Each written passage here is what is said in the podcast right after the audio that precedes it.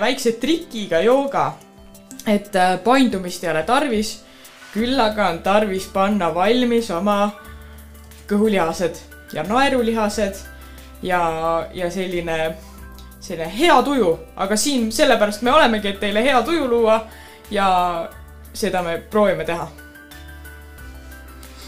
Jah, väga õige, aga mitte ainult äh, hea tuju ei ole siin elus oluline, vaid äh, tuleb teistele asjadele ka tähelepanu pöörata, näiteks äh, oma riietusele. mis see tähendab, kas ma, kas ma ei näe piisavalt kena välja täna või millele? on sul midagi öelda? ei, no selles mõttes äh, mina, mina ei ole nüüd mingisugune asjatundja sellel teemal, aga, aga me võtame ühendust ühe asjatundjaga, aga ärme veel välja ütle, kes see päris on. tõsi, tõsi, tõsi, see on tõepoolest tänane üks üllatus, külaline üllatusesineja kelle me oleme eksklusiivselt Põltsamaa raadiosse palunud ja siis te peate püsima lainel, et äh, kuulda midagi väga põnevat täna moe teemal. ja saame äkki teada, kas sokid ja sandaalid tõesti ei sobi kokku kas sa loodad, Siimar, et on tekkinud uusi koolkondi? no näiteks, tänapäeval kõik on kiires liikumises, et äh, ma olen pealinnas igasugu asju näinud selge, selge, ma seda vist igaks juhuks ei taha täpsustada, aga, aga las ta jääda.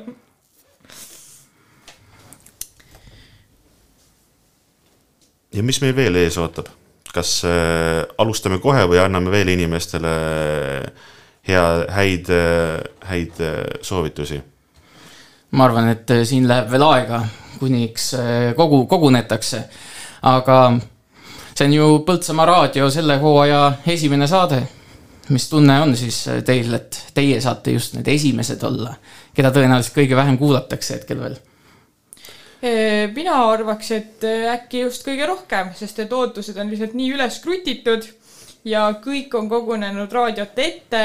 internet on põhimõtteliselt katki juba, ma arvan, suurest uudishimust ja eh, kõik hakkavad meid kohe-kohe eh, kuulama ja juba teevadki seda. ja kes ei, veel ei tee, sellel on viimane hetk, see kahjuks ka ei kuule praegu minu, minu soovitust liituda, aga ma usun, et inimesed veel kogunevad ja ärkavad.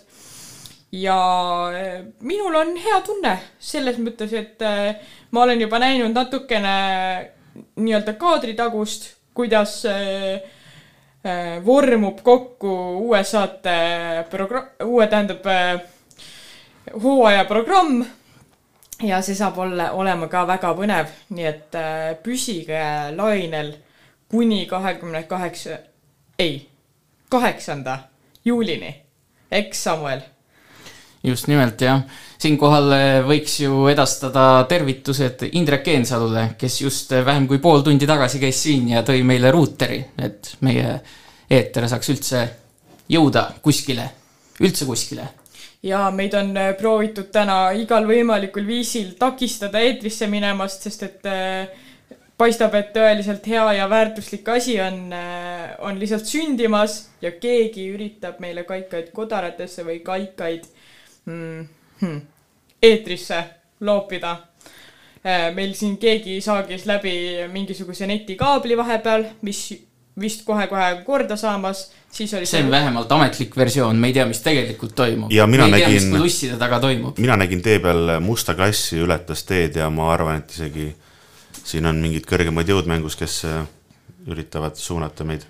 ja, ja minul kukkus hommikul äh, telefon diivani taha, väga veider oli helistada üle külalisele, kes on tulemas ja, ja alustada sellise vabandusega, see kõlas nagu, nagu mul sõi koer kodutöö ära või midagi, et et eh, mingisugune eh, välja, välja mõeldud vabandus, et kas teil, kuidas teil kooli ajal oli, kas pidite ka palju genereerima põhjuseid, miks teil kodutöö tegemata on? No minul oli tõsi, et koerale maitses tõesti paber väga hästi ja, ja ma kohe kindlasti ei jätnud seda kohtadesse, kus tal oli võimalus äh, sellele ligi pääseda. aga ometi oli tal kõht täis iga, iga hommik? paberist? selge, kas ta muidu on veel, on, on veel elavate kirjas? kahjuks on ta läinud juba selliseid hingelisi oravaid äh, püüdma kuskile kaugustesse. no nii, siit siis hommiku esimene tarkusetera, ärge söötke oma koerale paberit. see ei pruugi lõppeda hästi. selle peale ma ei, ma ei mõelnudki kusjuures see, et sa küsisid kohe koera kohta, et kas ta on veel elavate kirjas, see tuletas mulle meelde, et mul on Tartus alati üks inimene, keda ma näen, kes enne oli siit äh, seal äh, Võisiku kandist tuli siia Põltsamaale aeg-ajalt, aga nüüd ta on siis Tartus ja ikka me tänava, tänaval kohtume aeg-ajalt ja siis ta hakkab küsima kõikidest meie ühistest tuttavatest, algab vanainimestest peale, küsib, kas see on veel elus, kas see on veel elus. ja siis ta võib niimoodi pool tundi järjest kedrata, kuni ta jõuab minu väikse õeni, jõuab välja ja küsib kõigi kohta, et kas nad on veel, kas nad on veel elus. nii et jah, selles mõttes väga, väga õigustatud küsimus ja, ja võib-olla peaks inimesi julgustama, et ikka uurige tundke huvi üksteise elude vastu. tundke huvi ja siit ka üks laulusoovitus. täna võib-olla küll see eetris ei kõla, aga Tõnu Tepandi lugu Kiri kodukandist on äh, peaaegu et äh, täpselt sama sisuga, nagu Samuel rääkis sellest vestlusest. et, äh, et kuulake ja mõtisklege, see on tegelikult väikestes kohtades järjest ja järjest aktuaalsem sõnum, aga täna ma arvan, pigem rõõmsamad noodid. jah, kuulame siis The Tuber Kuloited, üks veider ansambel selline ja nende lugu, mis kannab pealkirja Raadio.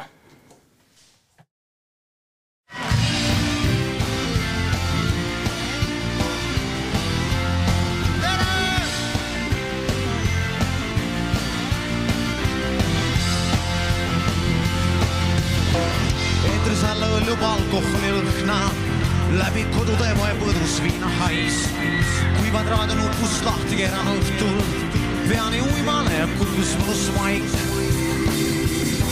kallis saatejuht, su juttu poleks kaua, kõrvas suruks vastu megafoni äärt. sinu kuumi hitte laulaks aina laulaks, ning su sõnad just sulamulda väärt ela raadios on kaua igavesti, su aroomideks on muusika ja kaif kõigi bändidega on mõnus hästi mestis, iga kuulaja kui potentsiaalne laip. raadio, ela igavesti raadio. raadio, ela igavesti raadio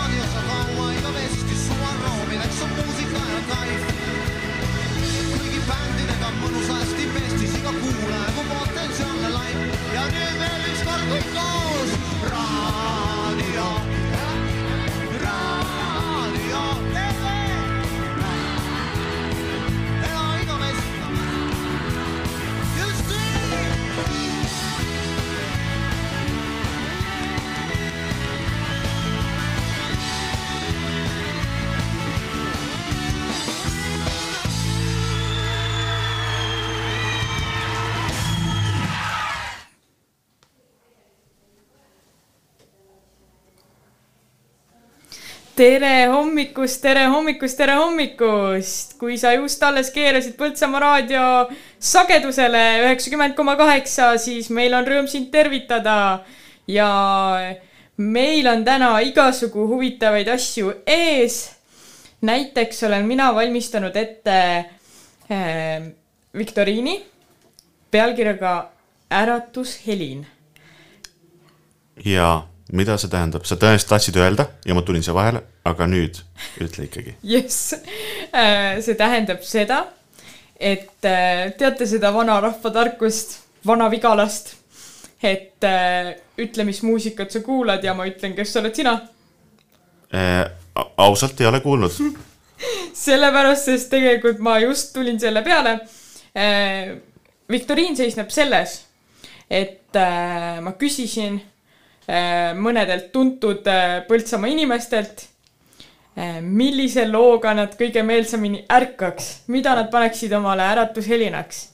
ja nad vastasid mulle ja nüüd valikvastuste abil mina hakkan küsima teilt, et kes vastas just, just selle, kes vastas just selle laulu. nii et siis me saame mõndagi teada mõne inimese kohta, kes siin kes siin viktoriinis figureerib. oota, kas sa annad meile siis mingisuguseid vihjeid ka nagu, et äh, ku, kuidas sa defineerid Põltsamaa mõttes tuntud inimese, kas siis keegi, kes on saanud üleriigiliselt tuntaks või mõni sihuke kohalik käss või kuidas? ütleme nii, et ühte ja teist, ühte ja teist.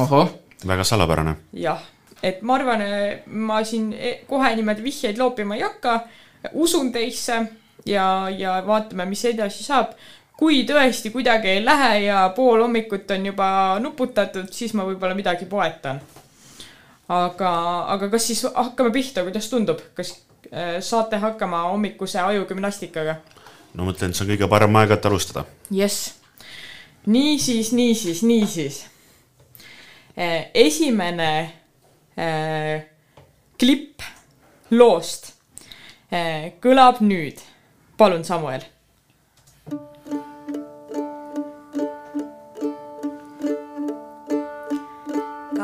kauges külas vanaema juures elasin kord kogu suve.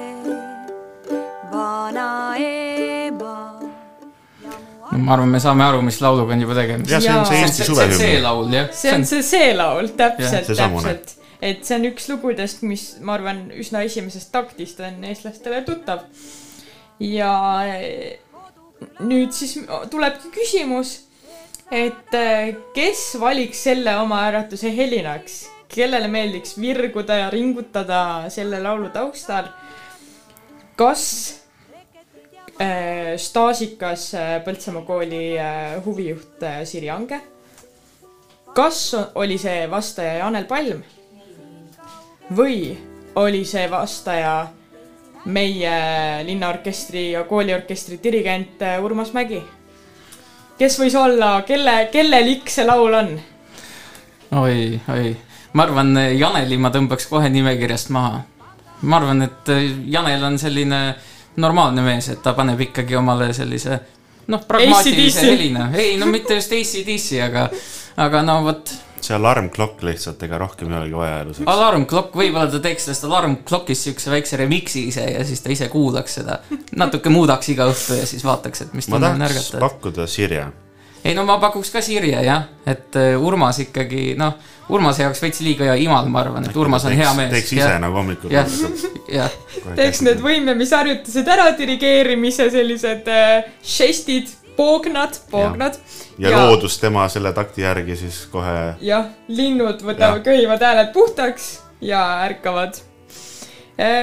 tuleb öelda, poisid, et vaatamata ilusale varasele hommikutunnile, te olete pannud absoluutselt mööda selle Mis vastuse. see võtab sõnatuks see.... oota, kas meil on teine võimalus ka, et siis me ütleme, et kumb see nüüd on, kas Janel või Urmas? olgu, olgu, esimese saate puhul palun. no kumma sa ütleksid, et on? No siis äh, võtame kohe nii järg, järg, järgmised, Janel see on nagu, see on nagu nüüd, et kumma ma vähem tahan solvuta mis teil selle laulu vastu on, taevas, kas te olete üldse eestlased äh, nojah, ütleme siis, et äh, sa ütled, sa ütled Urmas. ei, ma just ütlesin Janel. sa ütlesid Janel või? no ma ütlen siis Urmas. üks meist vähemalt võidab. jah üksteist tõepoolest võidab ja selleks on äh, Siimar, sest et äh, selle laulu valiks enda äratuse helinaks Janel Palm ja ta on selle laulu äh, kohta öelnud niimoodi, kui ma küsisin, miks. eks ole suveaeg, puhkuste aeg, kõik tahavad põgeneda töömaailmast, linnast maale ja need sõnad kauges külas vanaema juures on just õiged, et meenutada, mis oli siis, kui olin väike ja olid suved, kus olin tädi juures kauges külas. No see on väga ilus. nii et äh, ma ei ole kuulnud, et, et Janel sellist külge endast näitaks. et tuleb kohe pisar, jah? Janel on, Janel on tegelikult palju poeetilisem kui äh, meie ja kõik raadiokuulajad, ma usun, võivad arvata. kas ta kirjutas sulle seda? jah, ta kirjutas seda mulle no, no siis on ikkagi võimalik, et keegi teine sai, tal on neid naisterahvaid ka seal kodus ikkagi, et keegi sai sinna käed taha ja, ja. kellegi teise salaigatsused said eetrisse hoopis. no mina usun ikkagi Janelisse väga ja kallis kuulaja, kui sinul on ägedaid suvemälestusi eh, või selliseid nostalgilisi hetki või äh, mõnusaid suvelõhnu, mis sulle alati toovad äh, äh, helina rinna sisse, siis äh, jaga seda meiega saates Vaba Mikker kindlasti, kus saab helistada sisse, rääkida oma mõtteid, tellida soovilugusid ja, ja kõike sellist muud. on mul õigus, Samuel, on ka sellel eh, hooajal eetris Vaba Mikker? ikka on jah, Marja-Liis, sa peaks hakkama neid segmente tegema, sa võiks olla vaata see influencer või see suunamudija niimoodi, et sa väga loomulikult viid jutu üle, et kuhu on vaja viia täpselt. absoluutselt. maksab. jah, mul ongi tegelikult nii, et kuidas, kuidas mul kokkulepped on, kuidas rahad üle kant-, kantakse, niimoodi ma räägin, et ega mul eriti enda seisukohti polegi. aga noh, nüüd on siis see ka välja öeldud. nii, aga lähme viktoriiniga edasi. ühe sõnaga. palun, Samuel, järgmine lugu sellest listist. kuulame lõigukese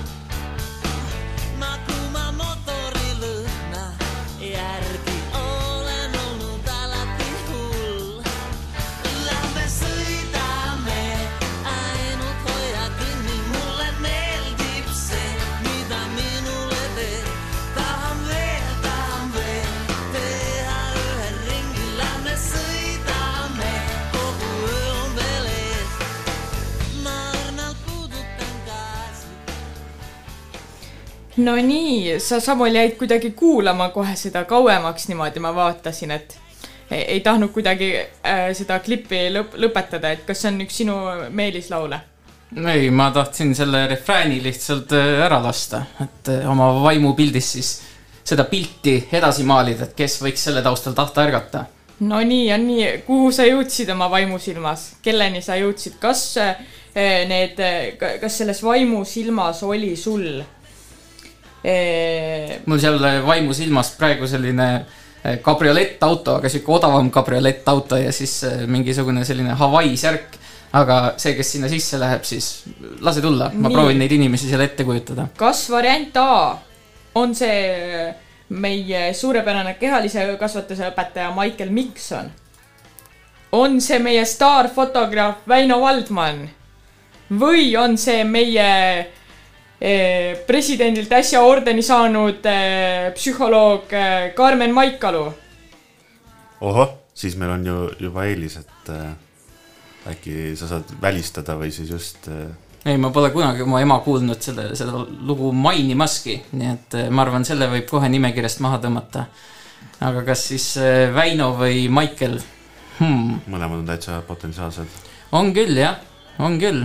ei, ma Väinot kujutaks selles mõttes täitsa ette, et vaata, see on siuke montaažilaul ka, et kujutad ette, kuidas ta noh, läheb siis mm -hmm. Põltsamaa peal neid pilte tegema, väga hä- head pildid on tal kusjuures, et kui teda Facebooki sõbralistis olete et siis ta aeg-ajalt laeb sinna päris head materjali üles.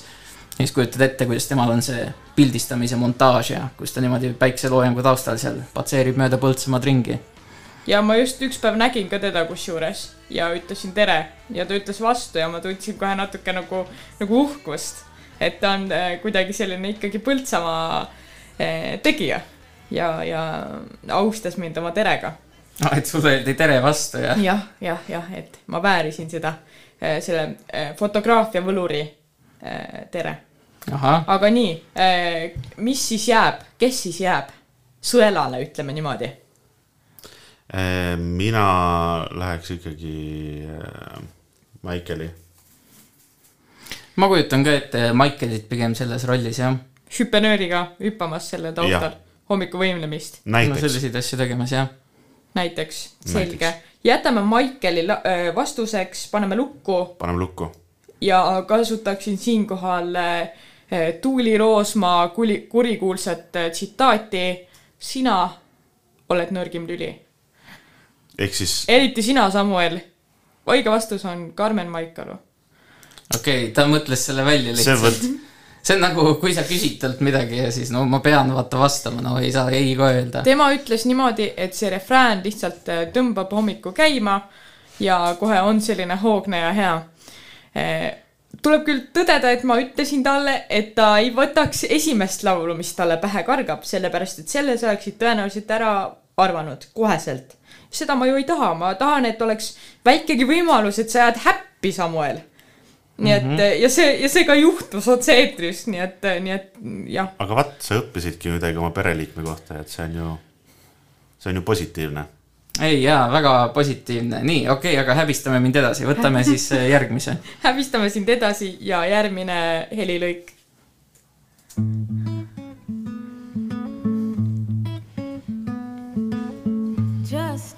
imagine we woke up in paradise. Don't need magic. Let my thoughts just carry us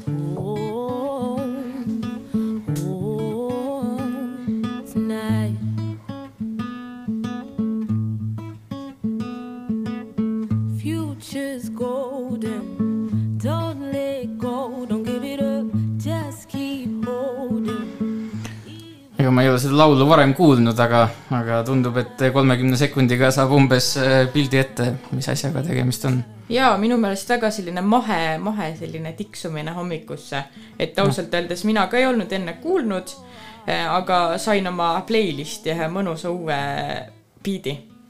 jah, saab vaata päiksetõuse ja äh, vaadata ja kohvi nautida. oli see pakkumine, Siimar? ei, ühesõnaga, valikuvariandid, lähme edasi, nagu seda poleks olnud praegu. laulu nimi muideks, enne kui ma lähen vastuste juurde, on äh, äh, Chariot, kui keegi tahab ja esitaja on Mega. mega mis? ma, ma eeldan, et seda hääldatakse Mega, mitte Miga või midagi sellist, ma, ma pole kindel. aga valiku variantide hulgas on siis Saskia Alusalu, kes ilmselt ei eh, vaja tutvustamist. ta küll nüüd eh, suurema spordikarjääri on vist eh, maha pannud ja liigub pisut edasi. aga sellegipoolest armastame teda ja saadame terviseid. siis on valikus lavaka tudeng Kristin Prits, kes õpib praegu teisel aastal lavakas ja on tõeliselt vapper oma rühkimises siis suure näitleja tiitli poole. ja kolmas va- valikuvariant on eh, meile kõigile teatud-tuntud Karro Külanurm, kes on vallavanem. ma ei tea, miks sa naerad. ma ma arvan, Karro küll ei julgeks saata seda, et muidu tead, paned siin oma populaarsuse niimoodi mängu, et, et pigem ma arvan, et eh, Karro vallavanemana valiks midagi sellist rahvalikumat. aa, sa arvad, et ta on? populist? niimoodi eetris arvad seda, jah? ei, populist tähendab hoopis midagi muud. ma arvan, et eh, ta on lihtsalt mees, kes suudab nagu rahvaga suhestuda. olgu, sellega ma olen, ma, ma arvan, ma olen nõus. seega ma olen nõus, aga, aga siiski ma arvan, mulle tundub, et sa oled kuidagi nagu, sa oled kuidagi nagu kastis mõtled. et kui laul on selline leebe ja noh, naine laulab ja selline, et siis, et siis nagu selline vägev mees ei või seda valida või? no ma mõtlen rohkem seda, et sa kahe eelmisega üritasid teha seda, et panna sinna noh, kuidagi siis äh, niimoodi mind, mind häbisse jätta ja, ja teha just sellised variandid, mida, mida kunagi ei arvakski. jah, aga see äkki, ongi äkki siis viktoriini, äkki mõte. siis, äkki siis nüüd, äkki siis nüüd see on sihuke palju ilmselgem. äkki on see, et kõik loodan. kolm valisid tegelikult selle laulu. kõik kolm. sellepärast sa nad gruppi panidki. nii, aga äh, jääb siis valikusse, kes Saskia Alusalu, Kristin Prits või Karro Külanurm. ärkab selle loo taustal, Mis sa- naudib kohvi rõdu peal või lootša peal või daatša peal. no mis sa pakud, Siimar? No niimoodi siis minu, minu õlule oled selle valiku pannud. ma ikkagi võtan jälle esimese, sest et äh, see ei saa ometi vale olla, et äh, Saskia, ma arvan, selle peale kindlasti Nii, ärkab aga- aga... helgelt. mina pakun äh, Kristinit, sellepärast, sest äh, sa tegid Kristiniga hiljuti saadet ja sul oleks tema käest olnud kõige lihtsam küsida lihtsalt. aa, see on ka taktika. see on hea taktika ja mul on hea meel, Siimar, tähendab, vabandust, Samuel, et, et sa ikkagi pead mind selliseks ähm, võimalikult mugavaks ja laisaks inimeseks, kes lahendaks kaks probleemi korraga. seekord ma olin tublim ja vastus on Saskia Alusalu. kas Hah! no näed, palju õnne. kas ma saan aru, et Siimaril on ainsana praegu üks punkt? Olete lugenud ka või jah, te jah, targu ei loe? Siimaril on ainult äh, üks punkt ja mul on äh, nulliring siis. vot küll on, küll on tore niimoodi siin, niimoodi siin no ükskord võidame me kõik, aga täna sina ei võida. jah, jah, jah, tundub nii. mina võitsin eelmine kord, kui päris küsimusi küsiti. nii, aga nüüd tuleb väike trikikas. klippi ei ole vahepeal. aga, laulad ise? aga äh, ise ma laulma ei hakka, sest ma kardan, et inimesed panevad õudusest uuesti silmad tagasi kinni ja loodavad, et see oli unenägu. ja kui nad magama jäävad uuesti, et siis ja ärkavad taas, et see on läbi. ma ei taha põhjustada sellist õudusmomenti, nii et ma ainult loen ette ühe tsitaadi. pean tõdema, et mulle meeldib ärgata ilma igasugust, igasuguse helita. lihtsalt tavalised toahelid ja laste kisa on kõige parem kas sellist lauset on öelnud Mariin Sirk, kes on äh, pere, perepesasüda? on seda öelnud äh, näitleja Priit Pihus või on seda öelnud Helena Nõmmik? kuidas teile tundub? ma, ma loen ükskord veel, kujutage ette. pean tõdema, et mulle meeldib ärgata ilma igasuguse helita. lihtsalt tavalised toahelid ja laste kisa on kõige parem no see on juba vastuoluline ju. see on see, et, et iga, iga ilma, mingi igasuguse helita ja siis äh, toahelid juba. no tõenäoliselt siis mõeldi muusikalist heli mm.. et ma arvan, et selliseid asju suudaks siis ainult nagu näitleja öelda või kuidagi mõelda, et ta kuidagi jõuab eh, nii kaugele, kõik asjad on läbi käidud, et ta siis hakkab neid eh, Jah. nagu tavalisi asju rohkem tähele panema äh, ja ükskord, ükskord me ühes seltskonnas olime ja siis äh, seal oli mingi ülesanne, et kõik äh, valivad siis ühe asja, mida nad tahaksid esile tuua, mis neile siis nagu meeldib. ja siis näitleja, noh, seal oli üks teine näitleja hingega inimene ja tema tahtis eriline olla ja siis ta näitas meile äädikakärbest kõigile lihtsalt. nii et ma arvan, see on see pius. Mis sa pakud, Siimar? No ma seekord nõustun, nõustun siis äh, Saamoliga, et ma ei taha liiga ette rebida nagu oma teiste asjadega. nii et see oli praegu selline ha halastusvastus põhimõtteliselt. pluss ma arvan seda, et äh, ma ei ole küll selle meediaga nii hästi kursis, aga, aga tema vist on, ei ole nii pikalt isa olnud, et lapsed on vist kuigi väiksed või? nii et ei ole kursis sellega. kui sa nii. ütled, kui sa nii ütled, meil on eh, siis eh, järgmine vastus selgumas ja uskumatu küll, aga teil oli õigus.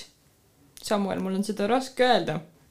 aga, aga paraku, paraku, paraku, päris, jah, päris hea, et siukene. no näed, ana-, analüüs oli täpne ikkagi.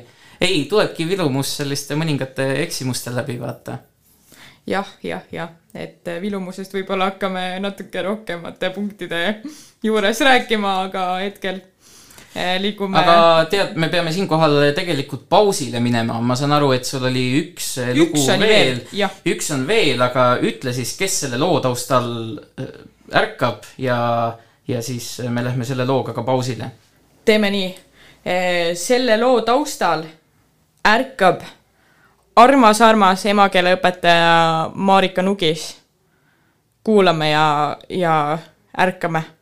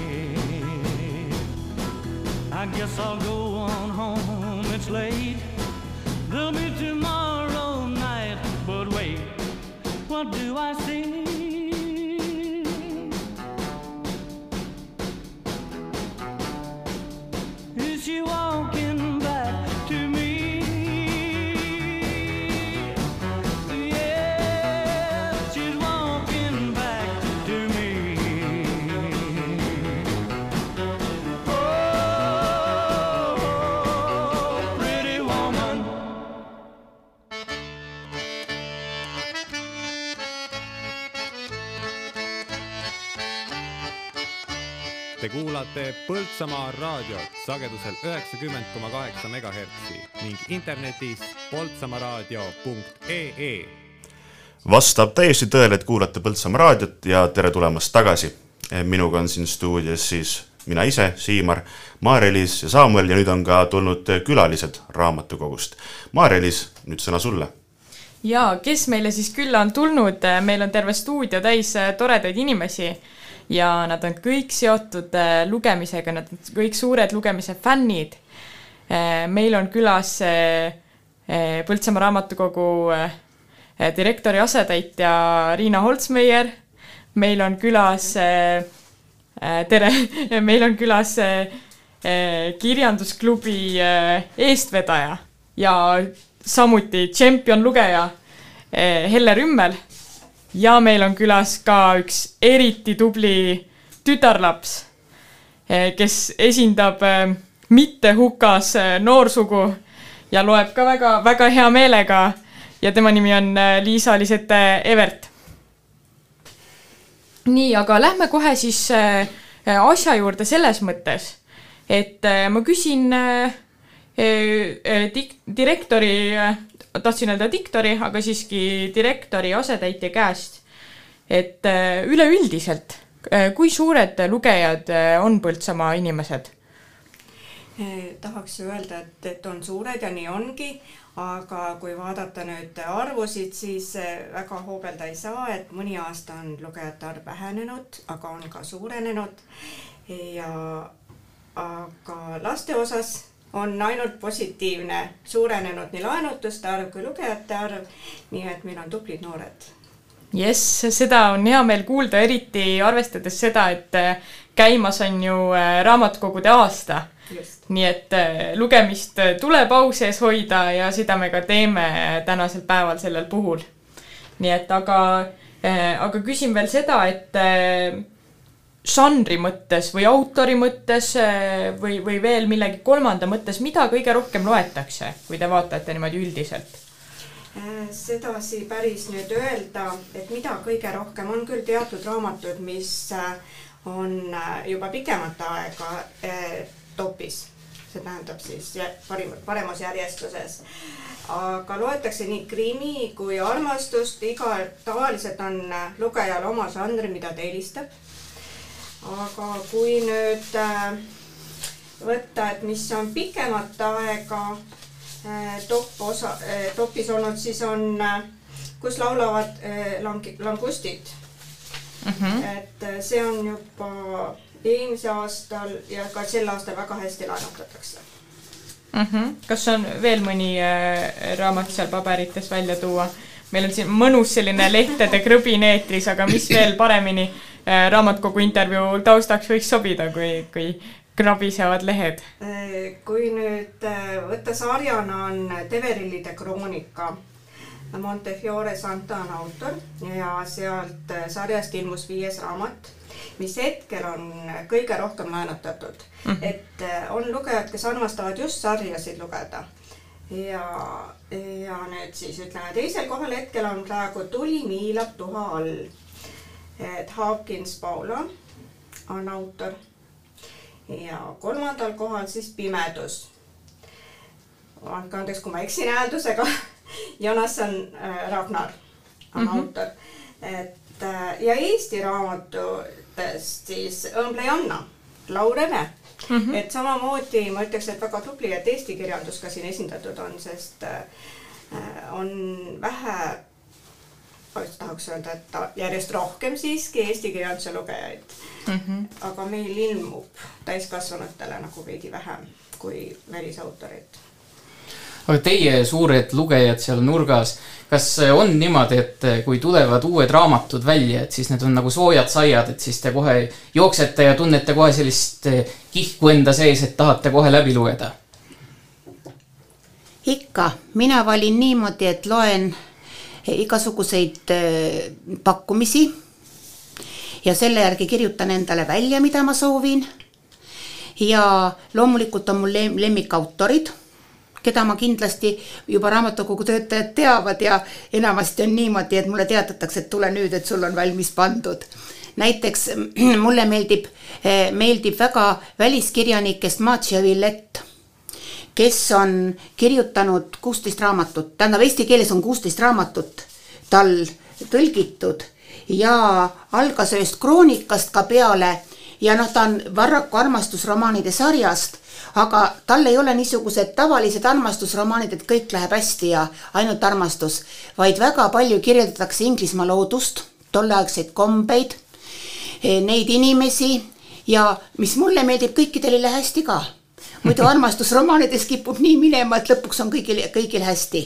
et läheb nagu liiga imalaks see värk tavaliselt. aga teda ma soovitan kindlasti lugeda kui suvel eriti kergemat asja on vaja. ja muidugi mina olen praegu jälginud väga tähelepanelikult eesti kirjandust ja leidnud siit väga palju huvitavaid asju. näiteks, mida soovitada. Juta Kivimäe, ise ta on kunstiajaloolane ja seitsmekümne kahe aastaselt kirjutas esimese romaani ja see oli Suurtuba. ja see oli tema romaan, õigemini tema, ta on ka autobiograafiline. Ja ta vanemad, vanavanemad on juudid. Ja see toimub Tartus. Ja tema siis kuueaastase tüdrukuna seal Tartus on ühe aasta vanemate juures. Ja ta kirjeldab tolleaegset Tartu elu ja väga palju on nendel ka niisugusi eh, intel-, intelligentseid eh, tuttavaid. naaber on näiteks Debora Vaara, Betty Alver ja ta siis väikse tüdrukuna ise läheb, teeb tutvust sellega, nii et ma soovitan väga, keda huvitab niisugune aeg. eriti mulle meeldib lugeda seda, kus näiteks koht on tuttav. no Tartus ma ise olen õppinud ja kõik need asjad on ka siis sealt tuttavad või eh, ja siis samuti mulle väga meeldib, meeldib, ma pean nüüd panema prillid ette ja vaatama, sest raadios olles läheb, läheb meelest ära eks väike eetriärevus on meil kõigil, nii et see. Äh, on eh, Kai Aarelaid, temal on ilmunud kolm romaani, Vene veri, linnade põletamine, jälle Tartu romaan. nii et ja, ja seal, kus ma tudeng ajal elasin, selles linnapiirkonnas. Ja Vaikne ookean. Ja ta on kirjutanud just naistest ja naiste probleemidest praeguses elus. Nii et ja siis jällegi niisugune eh, suveromaanid kindlasti on Alice Jõel, tegelikult on ta Elo Selirand eh,, televiisori eh, režissöör. Ja tema on kirjutanud viimane laev, kes pole kunagi söönud homaare ja kõik teed viivad Roomast ja ta on kirjutanud siis sellest Alice Jõe on tege-, peategelane ja ta kirjutab oma elust. nii et jah, tuleb vaadata, mis lehtedes ilmub, tuleb vaadata, mul käib ka suur raamatukogu eh, eh, kataloog ja sealt otsin, nii et leiab kindlasti. aga mida sulle meeldib lugeda, kas äh, ainult mingisuguseid noorsooromaane või tarbid kangemat kraami ka? mulle meeldib lugeda ulmelisi romaane ja neid raamatuid, kus on hästi palju fantaasiat sees. Need pakuvad mulle väga palju huvi. mis sulle nende juures meeldib siis? Nende fantaasiaromaanide juures näiteks? see, kuidas vahepeal on nagu pandud päriselu sisse ja siis mõni, mis ajab lihtsalt naerma. Mm -hmm. huumor on tõesti äh, olulisel kohal minu arust ka raamatutes, et eriti kui on äh, kokku põimitud sellist äh, sellist huumorit ja, aga ka selliseid äh, võib-olla nukramat osa elust, et äh, nii nagu Helle ka ütles, et alati ei pea kõik hästi minema, aga, aga et on kõike, nii nagu päriseluski. aga Liisa, ma tahtsin küsida, et kui palju sa üleüldse loed, näiteks mitu raamatut kuus või oskad sa kuidagi niimoodi umbes öelda? suvel loen ma kõige rohkem, aga tavaliselt loen kuus vähemalt kaks raamatut. no, no ikka, no ikka eriti tubli. Ma küsin selle peale teie mõlema käest, Helle ka, et äh, sageli öeldakse ju seda, et et ah ei, millal ma see lugeda veel jõuan, et mul on ju sada asja teha ja, ja töö ja lapsed ja siis veel hobid ja kõik muud asjad. et äh, kust te selle aja leiate, et äh, lugeda? Helle, mina ei saa enne magama jääda, kui ma lugenud olen paar tundi see tekib, see on selline heas mõttes unerohi. ja, ja muidugi ma oma töö ajal õpetajana polnud mul peaaegu üldse aega lugeda, väga vähe.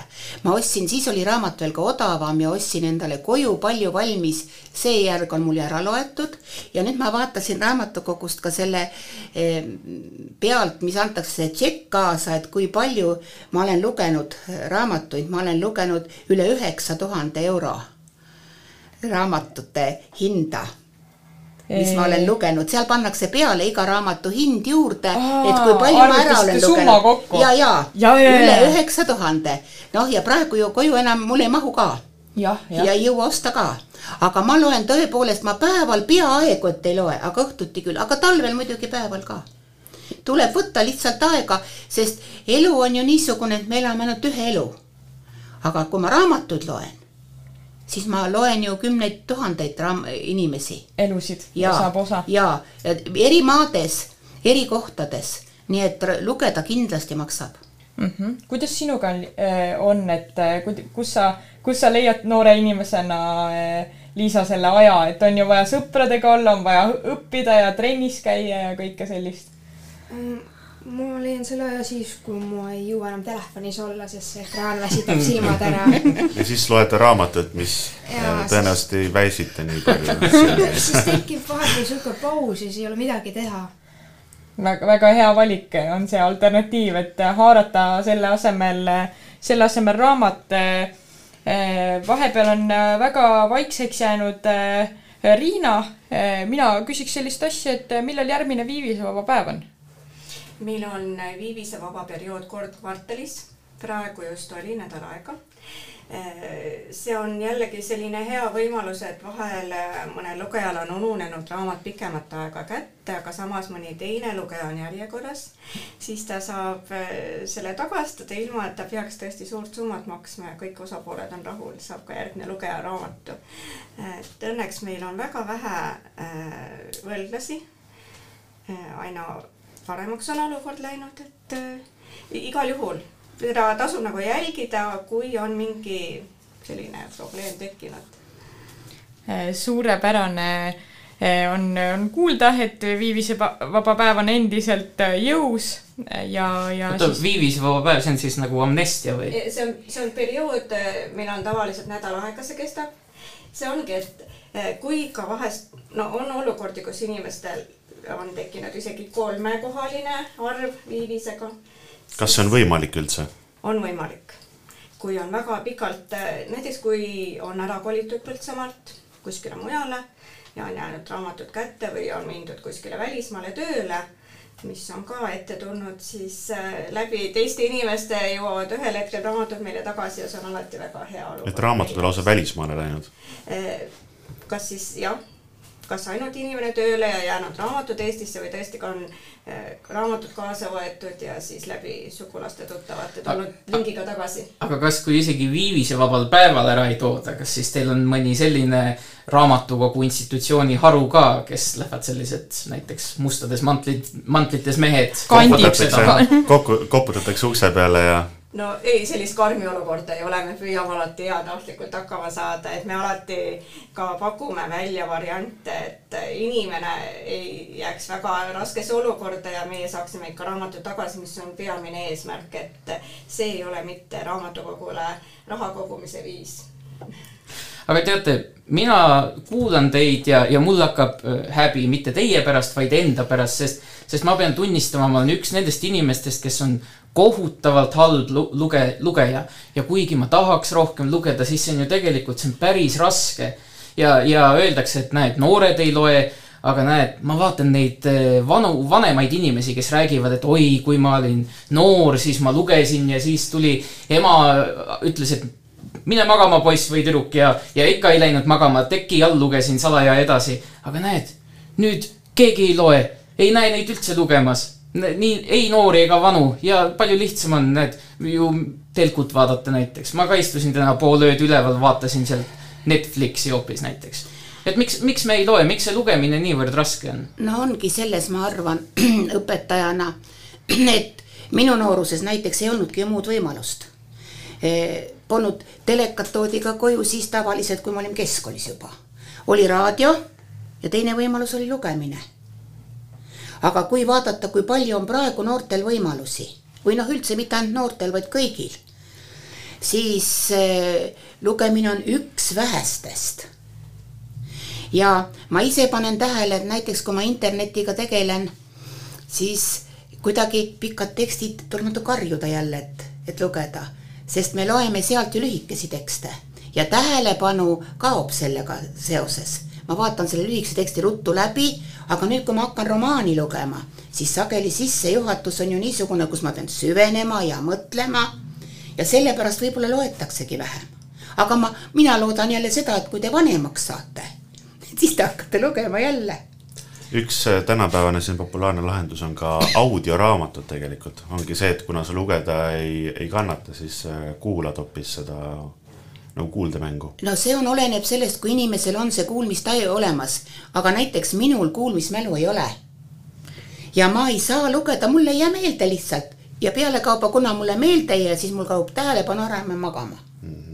aga kellel kuulmismälu on, siis loomulikult, miks mitte. ja see on täitsa, see on täitsa asjakohane ähm, selline ääremärkus, kuna täna äh, on ka väidetavalt rahvusvaheline audioraamatute päev, nii et äh, kellele see sobib, siis äh, katsetage, saab samal ajal võib-olla ka nõusid pesta või või tolmu võtta või midagi sellist ja mitu, mitu asja tehtud, kes suudab seda. et võimalusi on internetis audioraamatuid ka leida ja, ja kasutage. aga ma küsiks lugejatelt veel sellise natukene äraspidise küsimuse, et kas on, mille järgi te tunnete ära halva raamatu? kas on mingid raamatud, mis äh, kuidagi ja, ja siis jätkuküsimus ka, et kas te olete pigem sellised lugejad, äh, kes ikkagi kohusetundlikult loevad lõpuni, kui on mingi raamatu võtnud või kui ikka ei istu, siis ikkagi panete ära ja võtate järgmise. Liisa, kuidas sinuga on? pigem panen ära, kui ei sobi aga mis need on tavaliselt, mis ei sobi, kas on liiga paks või on keeruliselt kirjutatud või vahepeal kuidas? on ka hästi õhuke raamat, võib-olla sada lehte ainult. et lihtsalt jõuad poole peale, lihtsalt ei jõua edasi lugeda, sa ei taha lugeda seda mm, -hmm. sa panedki ära selle. et ei haara kaasa või kuidagi? jah. kuidas see eh, sinuga on, Helle? mina olen filoloog ju ja ma otsin ikka niisugust raamatut, kus oleks ka kunstiväärtust. Näiteks ma ei saa lugeda neid kõige lihtsamaid armastusromaane, kus on ainult üks eh, süžeeliin ja midagi muud ei olegi. ja kuna ma õpetajana no enamasti ikka ei jäta pooleli, aga nüüd olen jätnud küll. aega raiskab, milleks? Eetris siis tuleb välja niimoodi, et isegi õpetaja jätab mõnikord mõne ikka ja ma leian ka, leian ka seda, et kas on vaja aega raisata. praegu ilmub nii palju raamatuid. raamatukogud on nii suured, ma parem otsin endale midagi niisugust, mis mulle tõesti meeldib. õige, valikut on ja seda mina ütlen oma eh, onupoegadele tihtipeale, kes vaidlevad minuga, et aga, aga, aga ei ole ju sellist raamatut, mis mulle meeldiks, et kõik on igavad, siis ma alati leian, et kõik ikka igavad ei ole, et igaüks leiab oma asja. ja siis tema eh, leidis hiljuti eh, Orwelli tuhat üheksasada kaheksakümmend neli ja ütles, et miks keegi seda mulle enne pole näidanud, et mingi, mingi igav kohustuslik kirjandus, aga vaat see Orwell, vaat see oli hea raamat. ma ütlesin, aga kas ma ei öelnud, et pead oma asja leidma. jah, nii ongi. ja, ja niimoodi ongi, aga kuidas on, Samuel, kas me peame, kas me peame minema muusikalise pausile või on meil aega veel küsida mõni küsimus? jah, ma, peame tõepoolest minema pausile. ma olen väga tänulik, et te täna tulite siia, rääkisime natukene lugemisest, aga tõepoolest nüüd, head raadiokuulajad, kuulame natukene muusikat ja siis kuulame ka Põltsamaa raadio enda uudiseid. ja enne kui muusika, ma ütlen kiiresti, et Helle Rümmel veab ka kirjandusklubi, millest me ei jõudnud rääkida. et, et kui on inimestel huvi, siis kindlasti võtke ühendust ja, ja kirjandusklubisse ka kõik. sügisel ootame. jess. ja me ei loe ainult, me, meil on näiteks olnud seal ekskursioone ja külalisi ja meil oli ka üks filmiõhtu Taani filmiõhtu, kus meil olid ka Taani toidud laual, nii et kõike saab teha. kuulsite yes. otseallikast? otseallikast, suurepärane, aitäh teile, raamatukogu inimesed.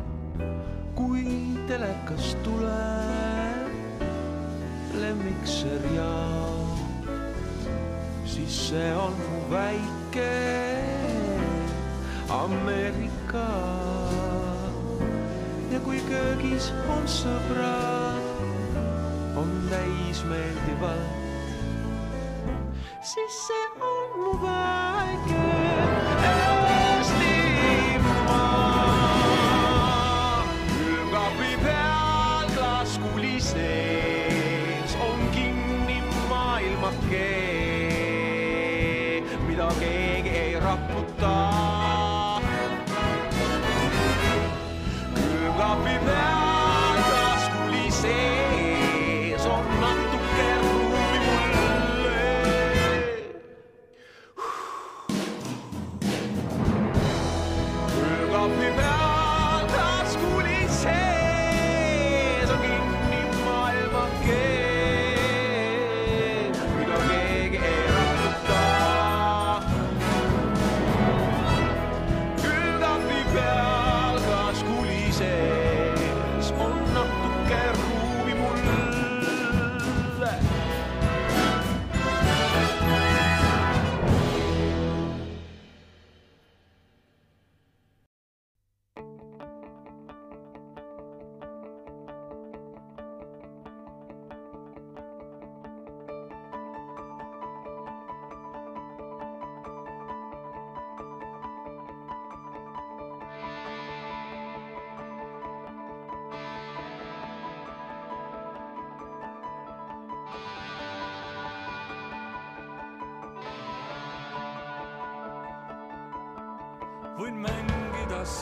saunas, võin lebada sinuga teki all. kuulud Florasse või oled faunas, pole tähtis, oled tõele nii lähedal. võin kukkuda just nagu kivi, võin diktoriks hakata ETV-s. palun ütle, mis on sinu nimi, mina olen mees sest ainult mina tean, mis sul päriselt haiget teeb. sa ei usu mind, kuidas ma su sisse näen ja see ongi hea võit.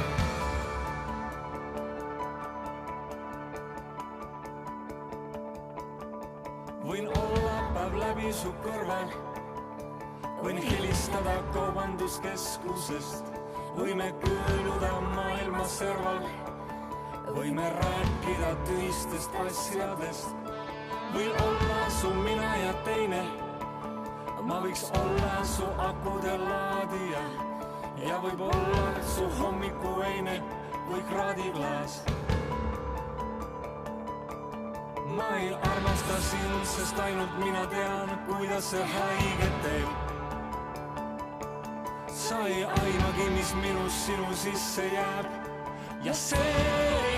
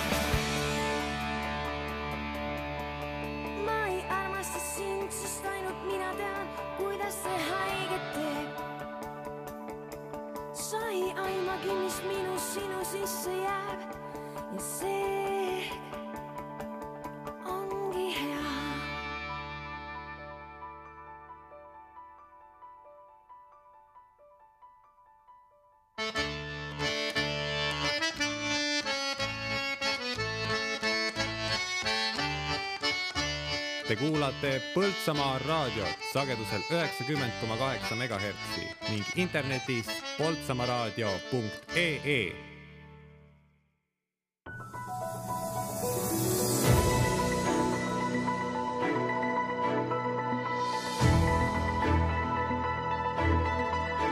tere, eetris on Põltsamaa raadiouudised, stuudios uudistetoimetaja Grete Koho.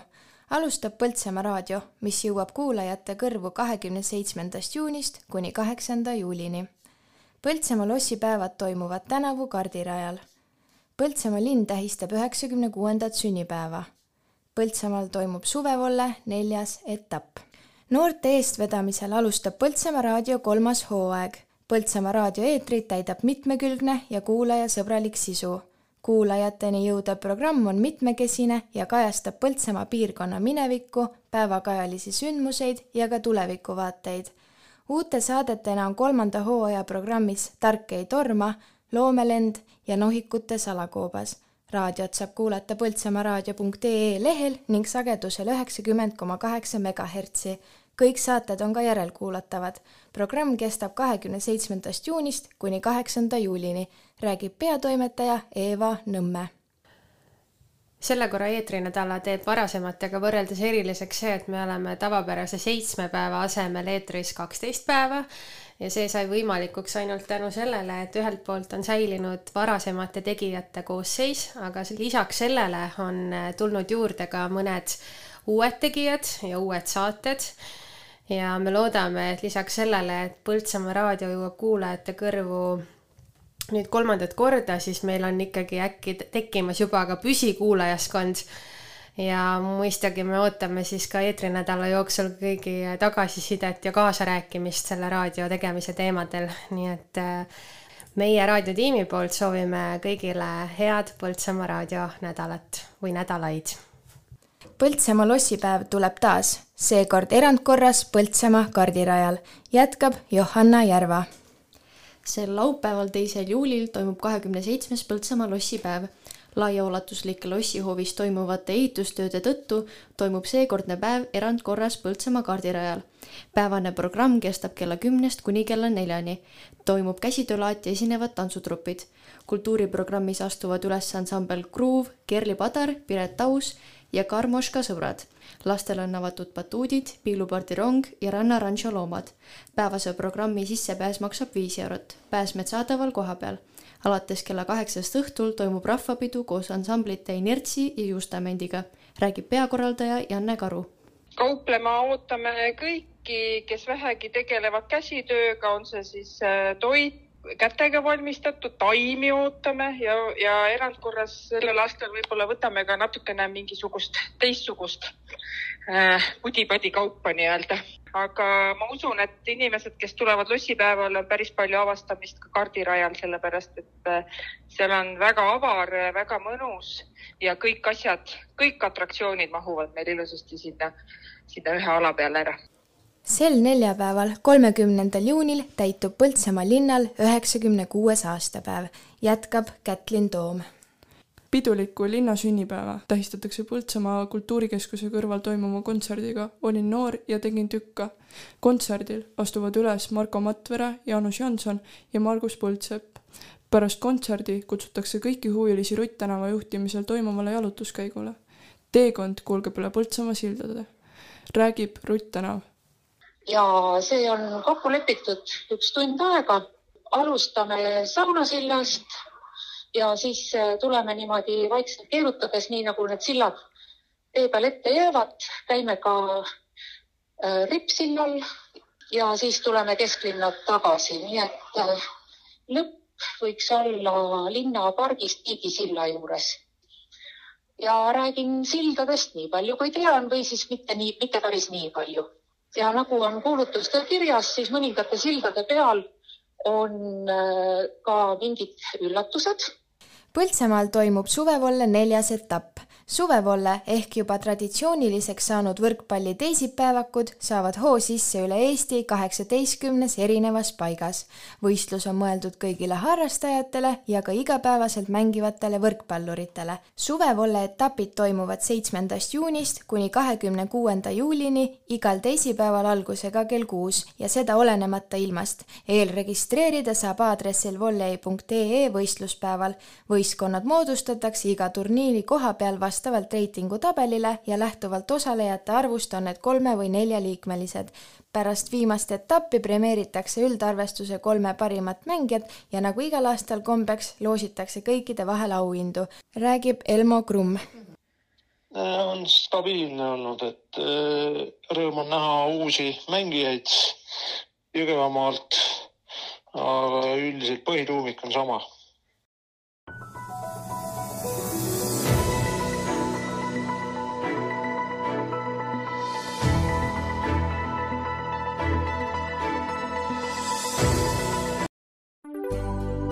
Juustu kvaliteet sõltub sellest, kus juustu tehakse. Põltsamaal osatakse juustu teha, seal hinnatakse kvaliteeti. Põltsamaa Eesti juust.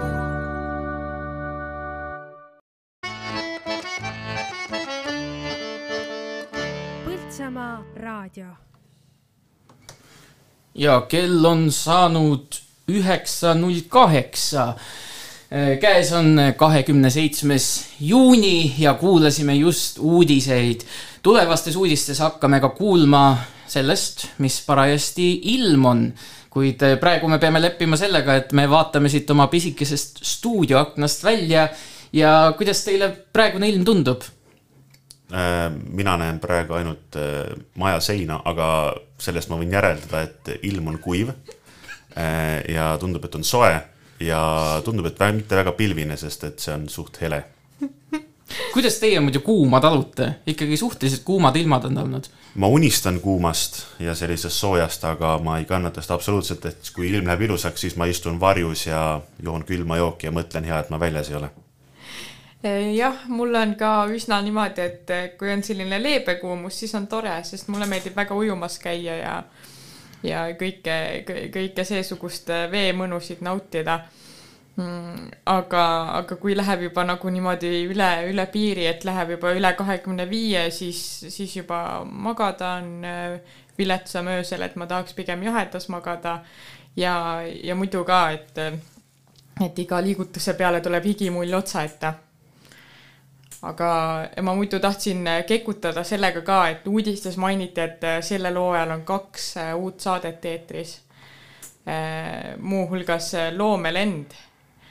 ja ma, ma siis mainin siin ära ka, et äh, kes on, kes seda loomelendu veab, kes see saatejuht on seal?, keegi väga andekas ja intelligentne inimene kindlasti. peab olema, kui kultuurisaatega tegemist on ju no täpselt. ma, ma, ma tänan, jah, aitäh nagu selle, selle mitte üldse kunstliku äh, siis äh, segway eest, nagu öeldakse inglise keeles.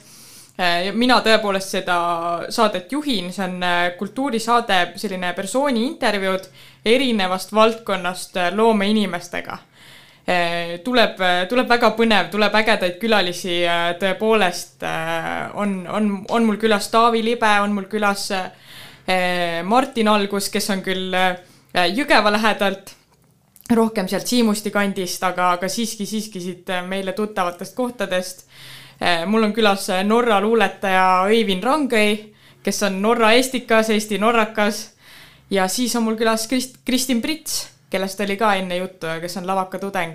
nii et kuulake, inimesed, jälgige saatekava ja mina usun küll, et, et on, on põnevat äh, sisu. ja pärast eh, seda saadet siin on veel kolm saadet, mida ma tegin, aga noh, see pole nii oluline. igatahes kuulame nüüd natukene Daniel Levi laulu ja pärast seda on meil juba üks võrratu külaline telefoni otsas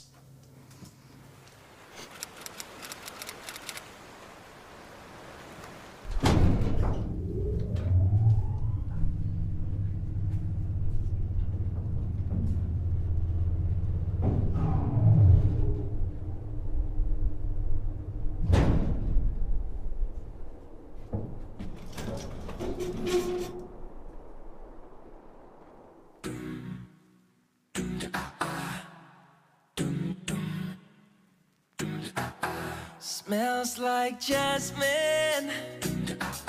The air you breathe. It feels like the first warm breeze that I've felt in a hundred years. A wall of flowers, a sight to see. Each one is climbing higher than a dozen feet. We started, we're on the other side of the world from where we started. We were dancing on the front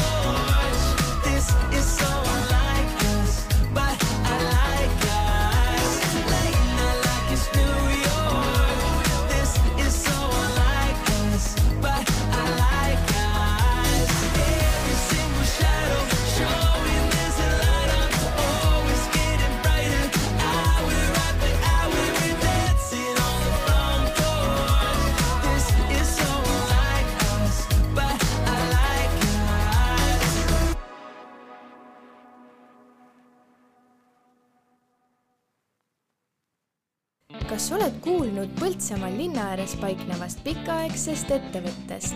puitprofiil, kvaliteetsed liimpuidust akna ja ukse detailide toorikud meie kodukohast.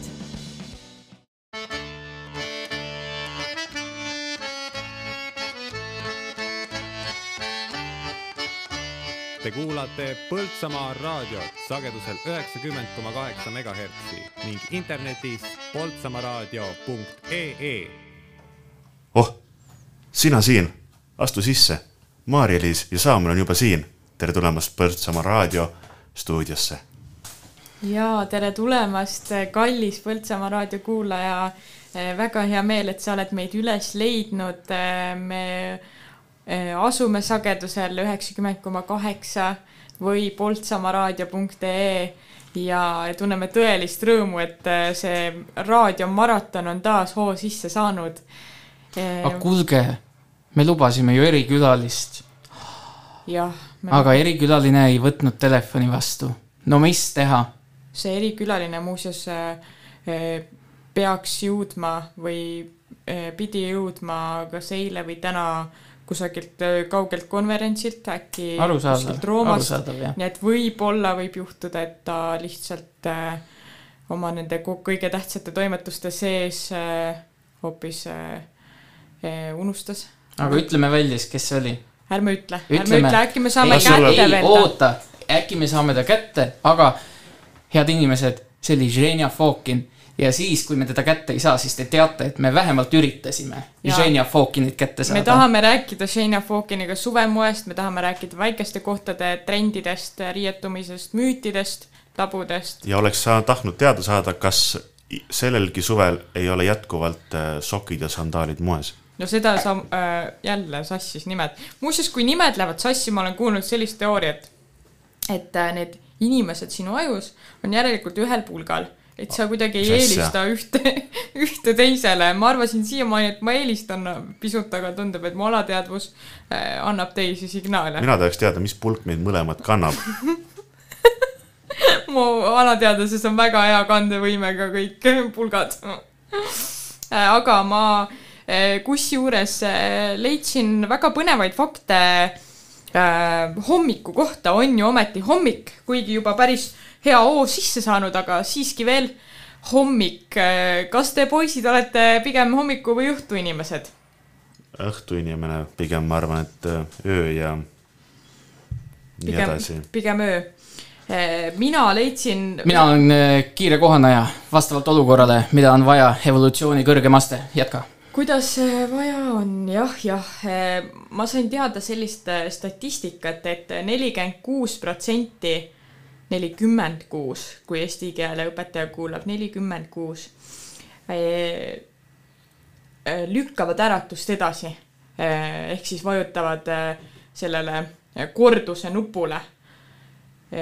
Kuidas teie olete, mis tüüpi te olete, kas, kui esimene äratus kõlab, viskate kohe teki üles ja, ja ärkate ja särate või olete sellised, et panete nelikümmend kuus helisema, nelikümmend seitse, viiskümmend?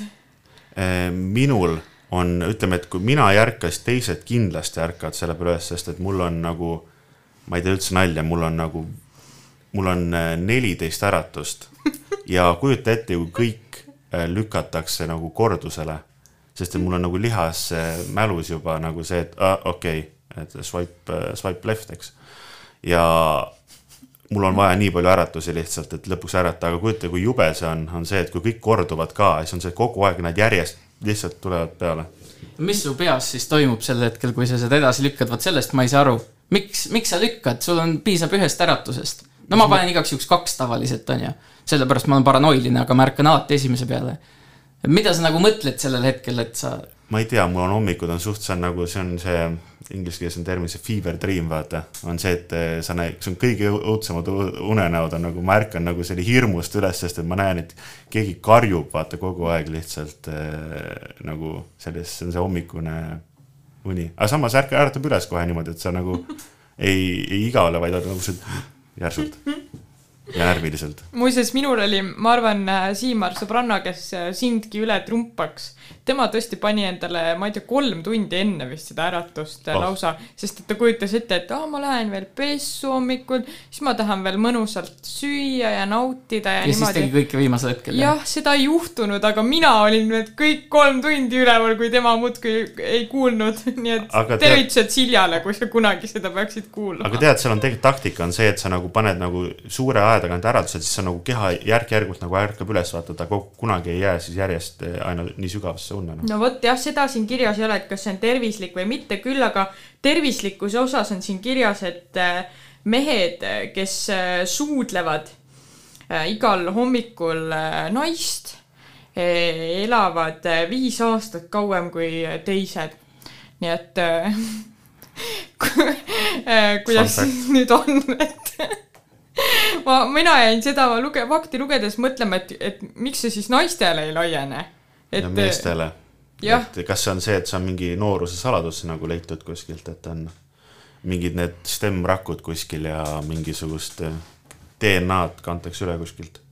ja jah, ja siis mõtlen, et, et aga kui mina nagu olen see suudeldav, siis mina nagu ei ela kauem, on ju, viis aastat. sult võetakse ära, see on, see on nagu energiavampiiride mingi selline teema, et äkki sealt on nagu mingisugune jah, ja see on väga kummaline, et, et te, teed head, aga, aga vastu ei saa mitte midagi.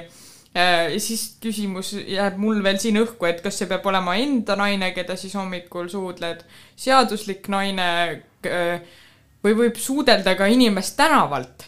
selles mõttes, et näiteks prantslased on ju suured musitajad. või siis äh, perearst, kelle kohustus on sinu tervise eest ho hoolt kanda.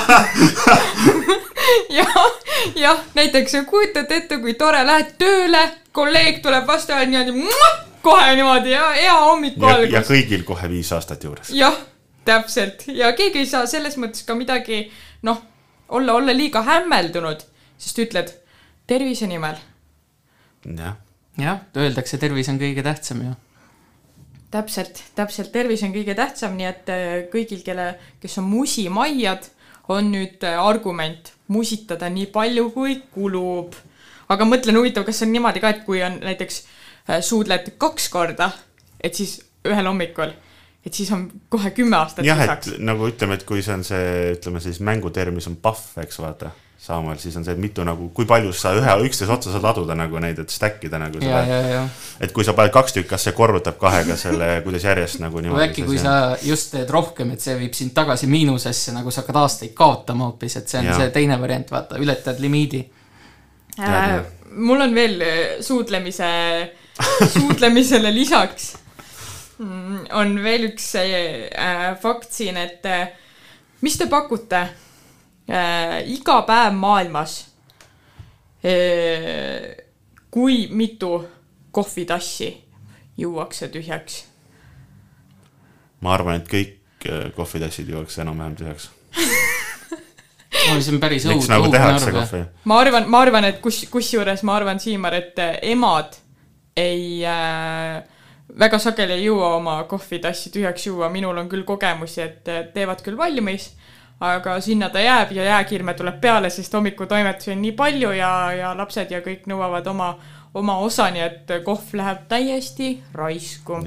küll aga on siin kirjas, et äh, äh, maailmas juuakse seitseteist biljonit äh, kohvitassi täit päevas. biljonit on siis vist äh, miljarditeks.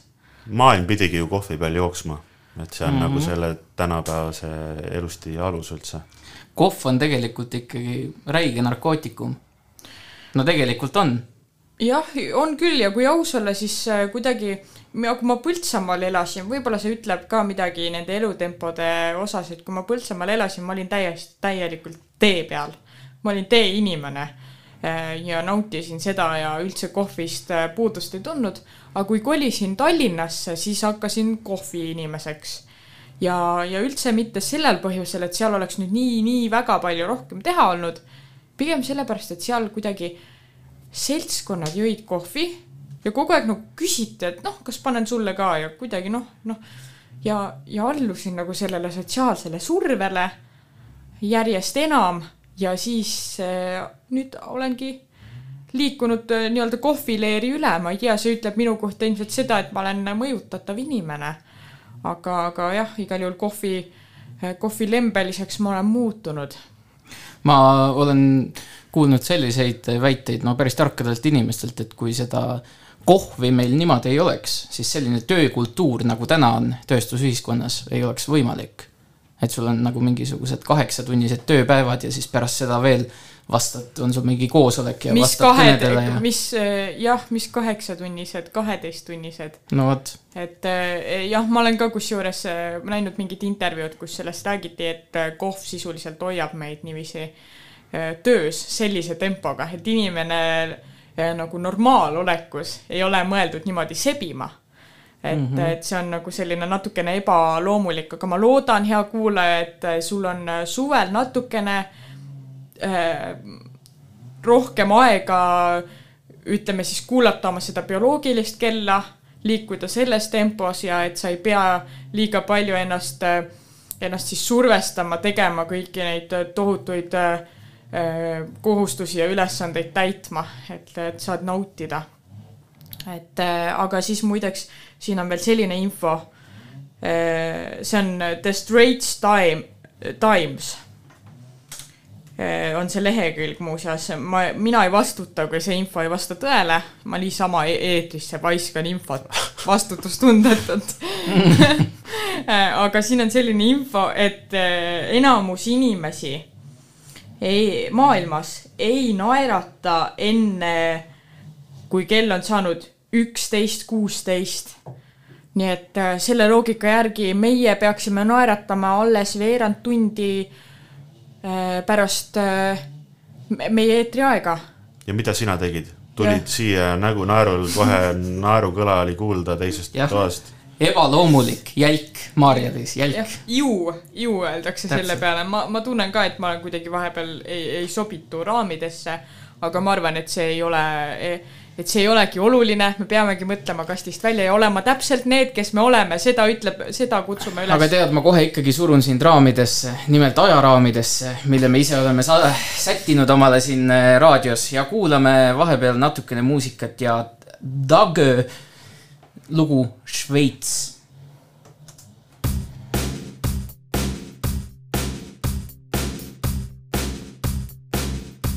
käin välja jalu lume peal. On juuni Alpides.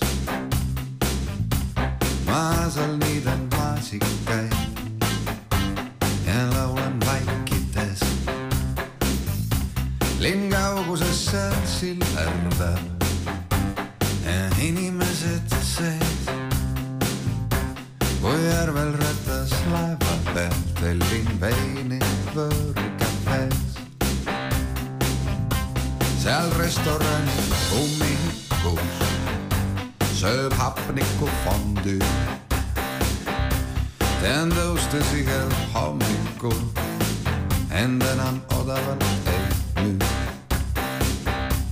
linn kauguses seal sillerdab ja inimesed sees. kui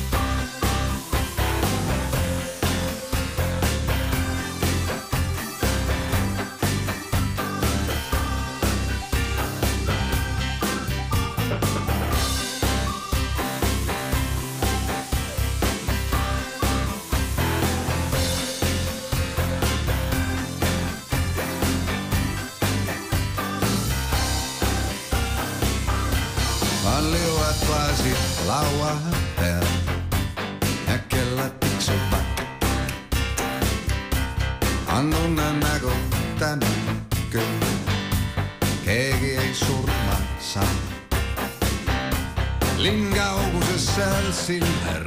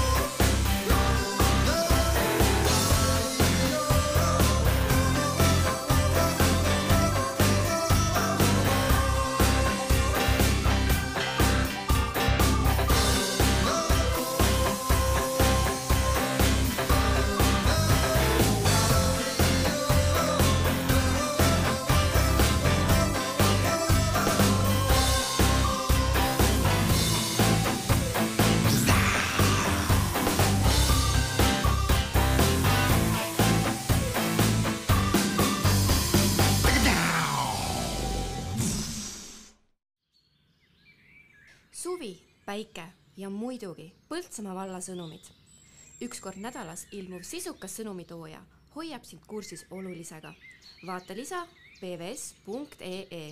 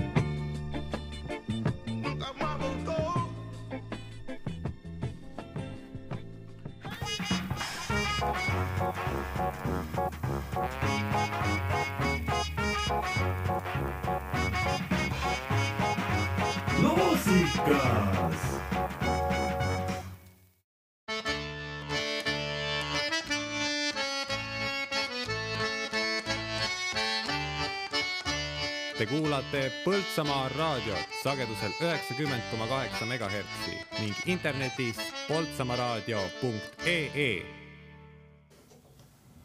poltsamaaraadio.ee tõepoolest internetis on äh, täiesti avatav ja kuulatav ja sealt äh, võib kuulata ükskõik mis äh, maailma nurgas sa asud. sul võib olla Põltsamaa südames ja sagedus tuksumas siis äh, wifi lainetes. igal juhul hea, hea Põltsamaa inimene, meil on hea meel olla eetris esimest päeva ja, ja äratada sind kes sa võib-olla oled tööle läinud, võib-olla naudid puhkust, igal juhul vähemalt ühte inimest ma tean, kes puhkusel ei ole. ja see on trimmeri inimene meie akna taga.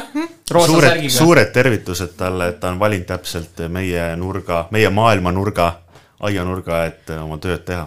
mis iseenesest on väga hea aga.... õigel ajal, õigel ajal muidugi Eh, see on alati tore vaata öelda ka seda, et eh, rahvusvaheliselt saab meid kuulata üle kogu maailma, et see meenutab umbes, kui keegi kirjutab ministeeriumile mingisuguse projekti ja siis öeldakse, et oli see, e, Tallinnas toimus rahvusvaheline noorteprojekt ja siis seal on nagu kaks lätlast ja üks leedukas, vaata et siis on ja. nagu ülemaailmne, rahvusvaheline. ja teine huvitav ütlus on minu meelest see, et maailm, me valmistame maailma tasemel juustu või meil on maailma tasemel mood Äh, siin Eestis, et, et mis variante meil veel on peale maailma, kus me elame et teine valik oleks kuu tasemel näiteks mm.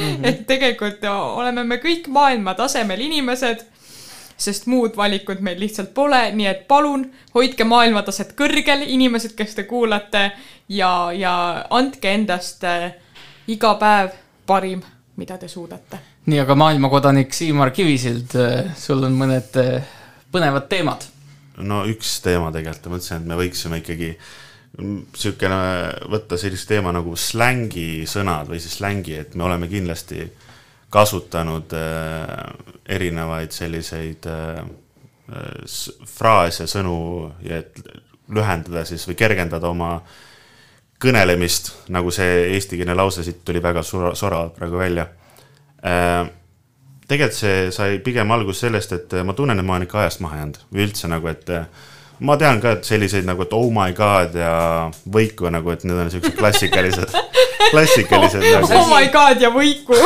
täpselt, et või nagu, et ma räägin, et ütleme, et eesti keel on kunagi minu tugev külg ja et nagu räägin suht siukeste selliste lihtlausetega, eks, aga. sihukeste jah. no täpselt nagu niimoodi, et eh, saab räägitud raskel ajal. nii et lihtne inimene ka aru saab, onju. meie kooli emakeeleõpetajatel vererõhk tõusis praegu. ma mõtlesin täpselt sama asja, et jah. aga äh, nimelt äh, üks äh, fraas, mis siis äh, mõtlesin, et oh, siukene, millest ma täpselt aru ei saa, et mis kontekstis sa seda kasutad ja siis ma hakkasin nagu uurima, mis ta see nagu endast kujutab ja ma ütlen ausalt, ma nii-öelda seda jäneseaugust või see rabbit hole'ist alla minnes see oli palju õudsem, kui ma arvasin, mis on mingite sõnade nagu selline äh, või kust nad on tulenenud või mis on nagu, mida need tähendavad eri nagu ringkondades või keskkondades ja kuidas siis internet väänab, väänab need tähendused äh, oma, endale sobivaks. Endale sobivaks ja, jah äh, aga ennem kui me selle, sinna, sellel teemal jätkan, on see, et mis on siis mingid slängisõnad, mida teie kasutate või nagu ütleme, et mida te olete kuulnud ja te imestate, et miks, kuidas ja, ja kes see räägib niimoodi? mis slängisõnu või? oh sa. ega ei teagi, ei oska vaata no, polegi, polegi kunagi ühtegi kasutanud, et ei, no ega sa ei oska vaata niimoodi vastata kohe. aga näed, ma panin slängisõnad, panin Google'i otsingusse ja esimene asi, mis äh, tuli, vaata, et kuidas internetis siis mingi akadeemik on selle asja kokku võtnud ja ütleb, et ta pani ühe slängi lause kirja ja see kõlab niimoodi. Jou tüdo, sa oled ikka täiega kobe kohuke ja see on esimene asi, mis vastu, vastu tuleb. et, et see on jah see vaata, kui mingisugused Tartu Ülikooli nagu teadlased tulevad kokku ja nüüd me hakkame slängi uurima. proovivad et... Äh, siis olla nagu kaasajastatud. et. Äh, me loome maketi ideaalsest slängilausest ja. ja siis äh, tulemus on tulemus on selline kusjuures võib-olla kõik juba teavad seda, aga mina olen avastanud, et kohuke on eriti hea, kui see sügav külma panna. et siis šokolaad krõpsub ja. jah, jah, jah, ja ta ei lähe selliseks nagu äh, liiga pehmeks, vaid on täpselt paraja konsistentsiga. nii et kui keegi on veel hommikusöögi lainel, siis äh, nautige kohukest. kas kohuk on ka släng või, sest et see on ju nagu kohupiim midagi ja, ja see on nagu siukene hellitav nimetus, kohukee, vaata. nagu kallike või jah midagi, sellist. täpselt, appikene, kas ma olen leidnud nagu selle vastuseni, mida ma olen otsinud, mida ma ei teadnud, mida ma otsisin nagu tükk aega. mina kuulsin äh, üks päev raadiost sellist arutelu, et äh, on ju olemas see noh, lehmapiim, kitsepiim, lambapiim, siis on olemas kohupiim. et kas, mis, mis asi on kohu või kes on kohu? et kas te olete mõelnud selle peale? Ma ei ole mõelnud, aga miks ma nüüd pean mõtlema selle peale, mul tekib küsimus. see on küll mõtteaine, näed, Maarja-Liis Mölder, loomelend kultuuriinimeste värk, vaata. ja tulevad ja annavad lihtsalt nagu sellist äh, mõttetoitu, et. äh, kohe vaimutoitu, tunnete, kuidas vaim saab toidetud ja kosub. Mhm. ja selle peale Kristjan Rabi ütles äh, raadios, et, et noh, et kas te lendoravat olete näinud, enamik ei ole. noh, tõenäoliselt kohu on ka mingi selline äh, haruldane looduskaitse all olev isend, kes lihtsalt äh, noh, meil ei ole au olnud kohuga lihtsalt kohtuda. aga, aga võib-olla see suvi toob meile kohuga äh, kohtumisi. igal juhul seda, seda, seda loodan, aga kuhu me jäime omadega aga? kus, kusjuures slängi juures on ikkagi üks väga ohtlik asi, mida mina nagu endale meelde tuletan, et ühel päeval, kui niimoodi antakse, et mina peaks äh, vanemasse ikka ka elama, siis üks kõige suuremaid viga, vigu, mida saab teha, on see, et sa üritad võtta nagu noorte slängi üle. et sa oled ise nagu keskealine inimene või juba pensioniealine inimene ja siis üritad seda kuidagi endale juurutada, et olla justkui nagu noortepärasem. Või saate aru sellest, millest ma räägin, olete te kogenud sellist ja, ja äh, siis õudset, sa asja? nagu kuulad, kuidas nagu su vanemad kasutavad neid ja see on täiega cringe lihtsalt. aga kusjuures see on kringel, mina kasutan kringel. Ja, ja on, näed, üks slängisõna, eks ole, me oleme nii palju slängisõnu selle, me ütlesime, et me ei tea ühtegi slängisõna, mida me kasutame, aga siis me oleme neid nii palju kasutanud. aga see on tegelikult nõuanne vanematele, et kui, kui teid häirib, et teie laps kasutab mingisugust slängisõna kogu aeg, siis hakake ise kasutama seda, lihtsalt kasutage kogu aeg niimoodi seda. hakka, hakkabki meeldima, jääb külge ja siis teistel on täiega kringelne. kringel ja kohuke kuidagi toidu, toidulainele läheb ikka see tahaks teema. kohukest praegu. igal juhul, edasi, edasi minnes, nüüd ma lähen siis selle fraasi juurde, mida, mis ma ütlen ausalt. mis pani sind ennast halvasti tundma? mitte kas halvasti tundma, aga ma olen natukene nagu, kui ma mõtlen nagu kontekstis neid asju, siis on nagu, ma kasutan aga irooniliselt, aga lõpuks ma ei olnud kindel, kas ma kasutan seda õigesti. see on nagu, et seal on nii niisugune rikkalik ajalugu mm,. tõenäosus, kuulajad, kallid kuulajad, vanemad kuulajad, kes iganes, et tõenäoliselt ei õpi midagi sellest. sest et ma, ma pole päris kindel, kas ma seda õigesti suudan esitada, aga fraas on ütleme, et eesti keeles lihtsalt öeldes, kes kõrvalt kuuleb, ei saa aru, on sussipaka. Aga see on siis sassipaka, mis iganes. mis asja? no täpselt, no täpselt, niisiis, oota, oota, mida? no täpselt. see on siis, aa, see on S U S S Y ja siis on äh, B A K ja A mm. -hmm. sassipaka.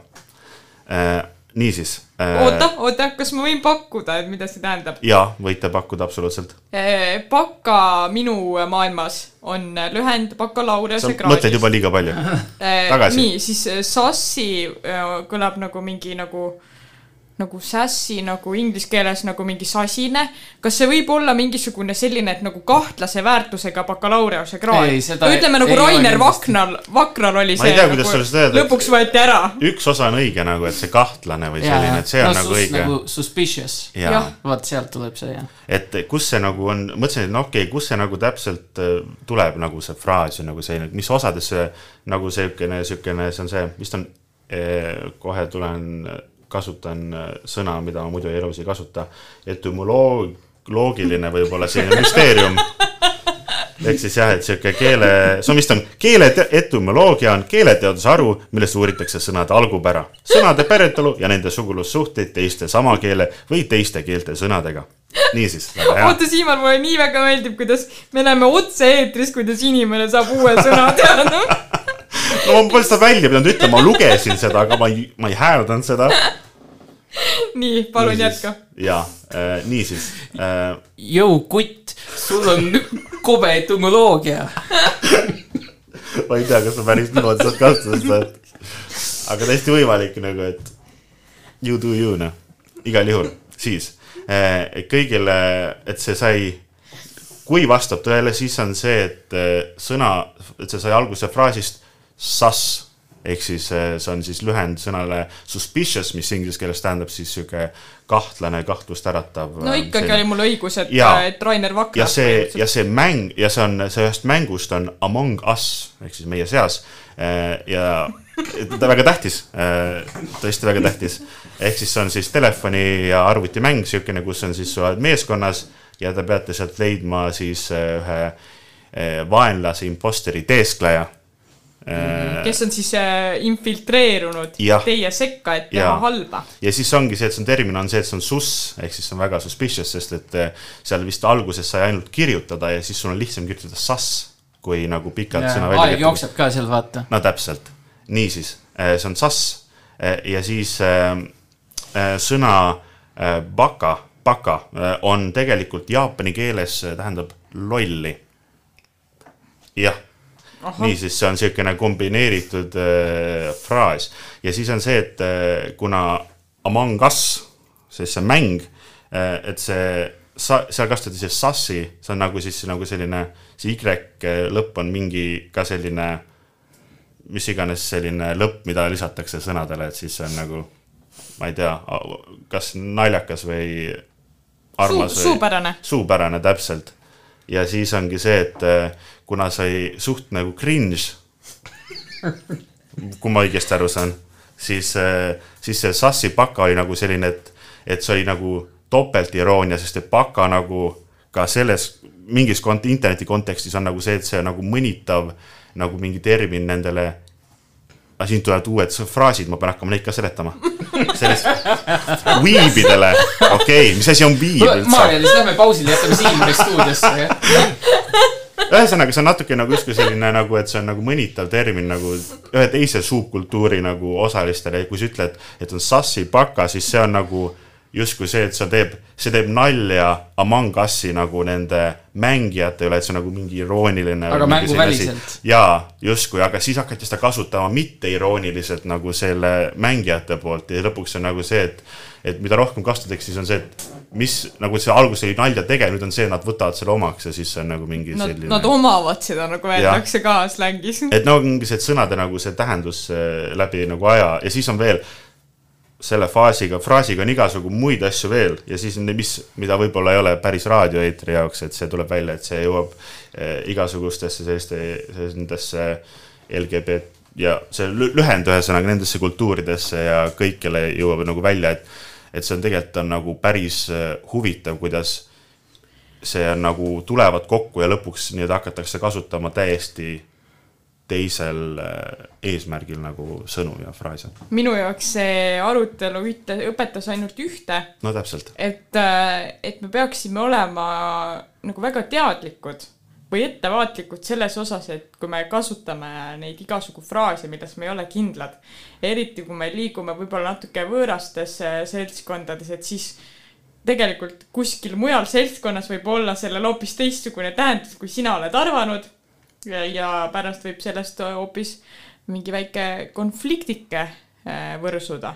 et pigem kasutada neid äh, sõnu ja fraase, milles me oleme ise veendunud, aga kui sa enne küsisid, et, et mis äh, slängisõnu me kasutame, mulle tuli meelde mm, mina näiteks kasutan aluspükste asemel sõna allurid.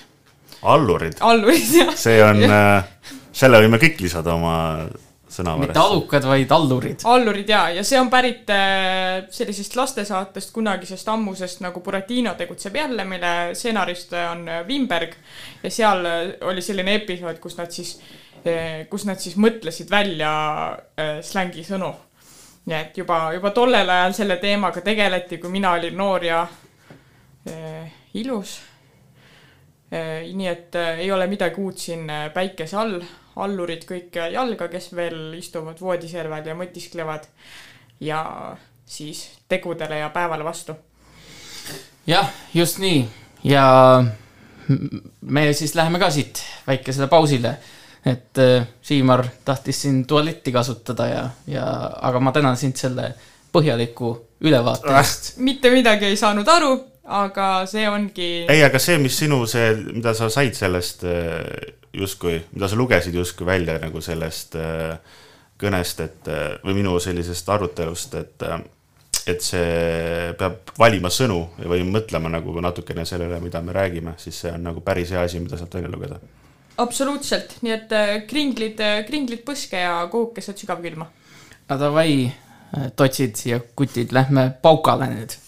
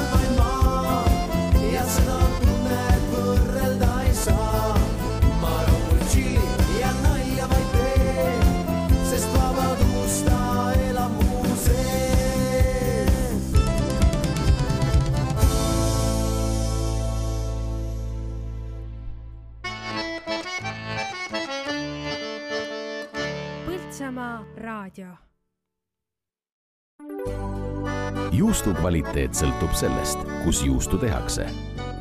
Põltsamaal osatakse juustu teha, seal hinnatakse kvaliteeti. Põltsamaa Eesti juust.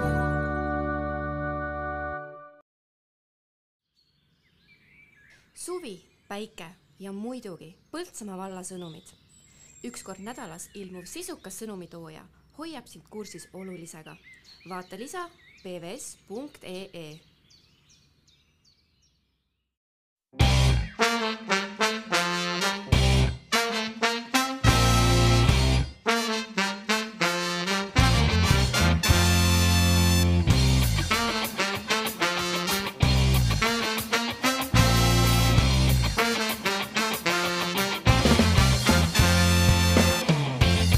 sul läheb, naine? ma armastan sind. oh keeruta, lennuta, asa peal mind. Eelmisel kolmapäeval, kui kohtusime, olid kui konnakullees, sogases vees. aga sulle ei meeldi ju miski, sust aru ei saa, pidevalt mossitad. miks ei võiks olla me maailmavaade ehk veidike roosakam? aga sulle ei meeldi ju miski, sust aru ei saa, pidevalt mossitad. miks ei võiks olla me maailmavaade ehk veidike roosakam?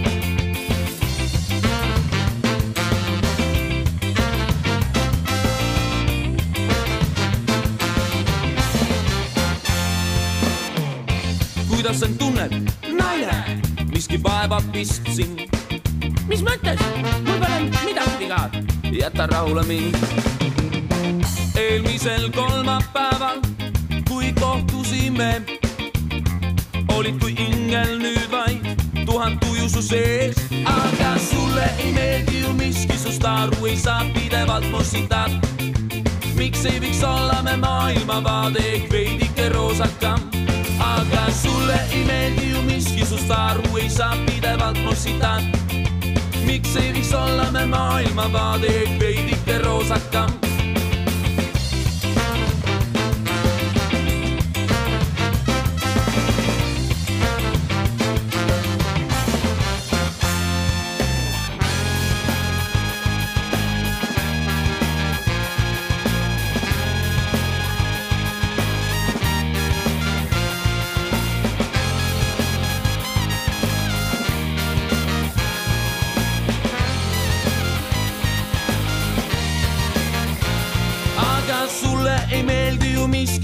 Aru ei saa, pidevalt mossitad.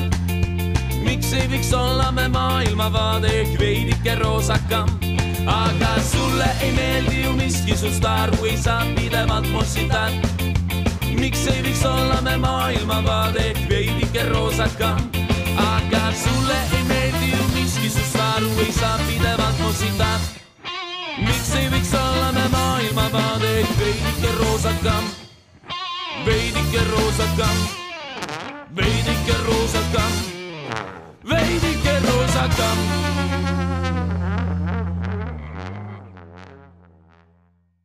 kas oled kuulnud Põltsamaal linna ääres paiknevast pikaaegsest ettevõttest? puitprofiil, kvaliteetsed liimpuidust akna ja ukse detailide toorikud meie kodukohast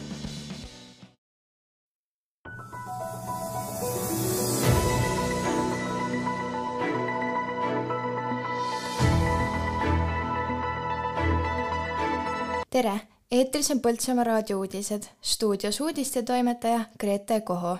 alustab Põltsamaa raadio, mis jõuab kuulajate kõrvu kahekümne seitsmendast juunist kuni kaheksanda juulini. Põltsamaa lossipäevad toimuvad tänavu kardirajal. Põltsamaa linn tähistab üheksakümne kuuendat sünnipäeva. Põltsamaal toimub suvevolle neljas etapp.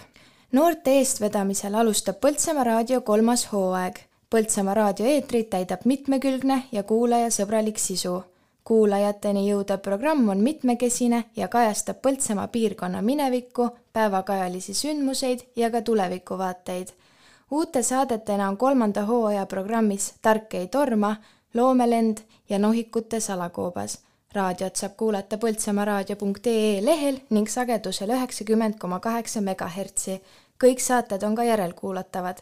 programm kestab kahekümne seitsmendast juunist kuni kaheksanda juulini, räägib peatoimetaja Eeva Nõmme selle korra eetrinädala teeb varasematega võrreldes eriliseks see, et me oleme tavapärase seitsme päeva asemel eetris kaksteist päeva ja see sai võimalikuks ainult tänu sellele, et ühelt poolt on säilinud varasemate tegijate koosseis, aga lisaks sellele on tulnud juurde ka mõned uued tegijad ja uued saated ja me loodame, et lisaks sellele, et Põltsamaa raadio jõuab kuulajate kõrvu nüüd kolmandat korda, siis meil on ikkagi äkki tekkimas juba ka püsikuulajaskond. ja mõistagi me ootame siis ka eetrinädala jooksul kõigi tagasisidet ja kaasarääkimist selle raadio tegemise teemadel, nii et äh, meie raadiotiimi poolt soovime kõigile head Põltsamaa raadionädalat või nädalaid. Põltsamaa lossipäev tuleb taas, seekord erandkorras Põltsamaa kardirajal, jätkab Johanna Järva sel laupäeval, teisel juulil toimub kahekümne seitsmes Põltsamaa lossipäev. laiaulatuslike lossihoovis toimuvate ehitustööde tõttu toimub seekordne päev erandkorras Põltsamaa kaardirajal. päevane programm kestab kella kümnest kuni kella neljani. toimub käsitöölaati esinevad tantsutrupid. kultuuriprogrammis astuvad üles ansambel Gruuv, Kerli Padar, Piret Aus ja Karmoška sõbrad lastele on avatud batuudid, piilupardirong ja rannaranšo loomad. päevase programmi sissepääs maksab viis eurot, pääsmed saadaval kohapeal. alates kella kaheksast õhtul toimub rahvapidu koos ansamblite Inertsi ja Justamendiga, räägib peakorraldaja Janne Karu. kauplema ootame kõiki, kes vähegi tegelevad käsitööga, on see siis äh, toit, kätega valmistatud, taimi ootame ja, ja erandkorras sellel aastal võib-olla võtame ka natukene mingisugust teistsugust äh, pudi-padi kaupa nii-öelda. aga ma usun, et inimesed, kes tulevad lossipäeval, on päris palju avastamist ka kardirajal, sellepärast et äh, seal on väga avar, väga mõnus ja kõik asjad, kõik atraktsioonid mahuvad meil ilusasti sinna, sinna ühe ala peale ära sel neljapäeval, kolmekümnendal juunil täitub Põltsamaa linnal üheksakümne kuues aastapäev, jätkab Kätlin Toom. pidulikku linna sünnipäeva tähistatakse Põltsamaa kultuurikeskuse kõrval toimuva kontserdiga Olin noor ja tegin tükka. kontserdil astuvad üles Marko Matvere, Jaanus Janson ja Margus Põldsepp. pärast kontserdi kutsutakse kõiki huvilisi Rutt tänava juhtimisel toimuvale jalutuskäigule. teekond kulgeb üle Põltsamaa sildade. räägib Rutt Tänav ja see on kokku lepitud üks tund aega. alustame saunasillast ja siis äh, tuleme niimoodi vaikselt keerutades, nii nagu need sillad tee peal ette jäävad, käime ka äh, rippsillal ja siis tuleme kesklinna tagasi, nii et äh, lõpp võiks olla linnapargis Tiigi silla juures. ja räägin sildadest nii palju, kui tean või siis mitte nii, mitte päris nii palju ja nagu on kuulutustel kirjas, siis mõningate sildade peal on äh, ka mingid üllatused. Põltsamaal toimub suvevolle neljas etapp suvevolle ehk juba traditsiooniliseks saanud võrkpalli teisipäevakud saavad hoo sisse üle Eesti kaheksateistkümnes erinevas paigas.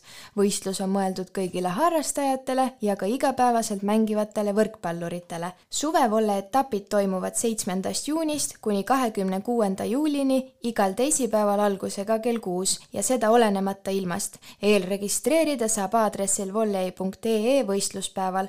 võistkonnad moodustatakse iga turniiri koha peal vastavalt vastavalt reitingutabelile ja lähtuvalt osalejate arvust on need kolme- või neljaliikmelised. pärast viimast etappi premeeritakse üldarvestuse kolme parimat mängijat ja nagu igal aastal kombeks, loositakse kõikide vahel auhindu, räägib Elmo Krumm on stabiilne olnud, et äh, rõõm on näha uusi mängijaid Jõgevamaalt. aga üldiselt põhituumik on sama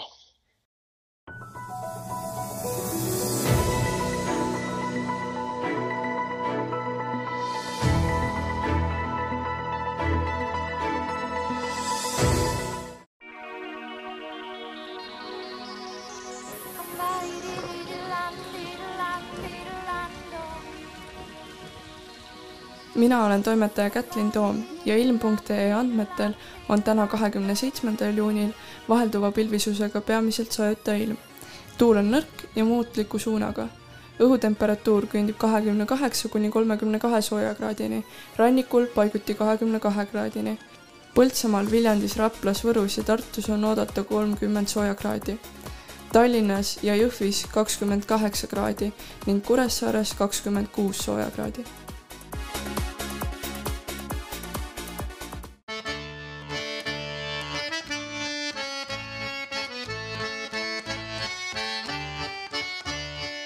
kuulate Põltsamaa raadiot sagedusel üheksakümmend koma kaheksa megahertsi ning internetis poltsamaaraadio.ee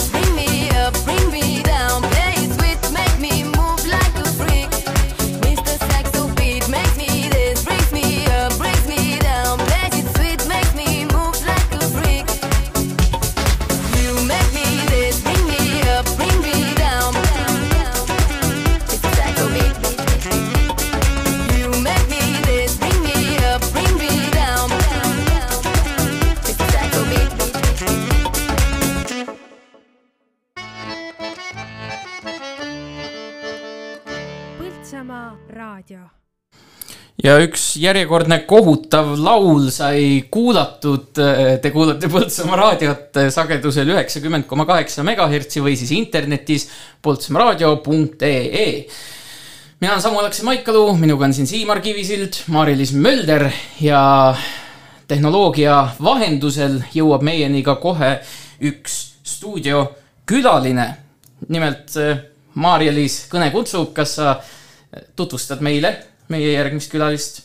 ja hea meelega, meie järgmine külaline on äh, naeruterapeut, naerujooga spetsialist äh, Helje Kase, Kasearu. Helje, kas sa oled meiega?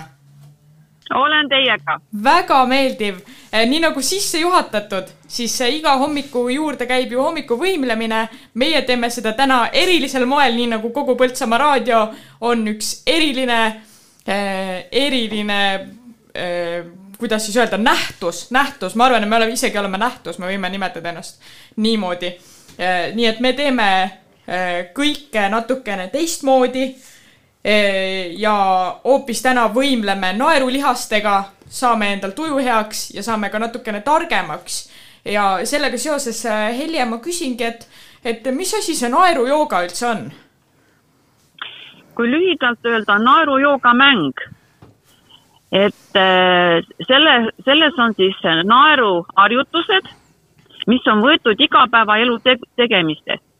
kas sa jood siis kohvi, paned kreemi näo peale või, või segad suppi, mida iganes. ja see jooga poolt on siis äh, sügav hingamine. hingata nii, et kõht ka kaasa liigub. nii et siis ta koosnebki kahest osast ja nagu see sõnagi, naerujooga. mm. -hmm. kokkuvõttes on mäng lõbus mäng, nii No. no. nagu see elu ongi. naermine pluss jooga, aga eh, miks, miks selline asi üldse, üldse nagu hea on või mida ta kasulikku teeb? no tavaelus, ega me naerame ju väga vähe ja me naerame just siis, kui on põhjust. kui keegi teeb nalja, on anekdoodid, keegi kõditab, me siis naerame.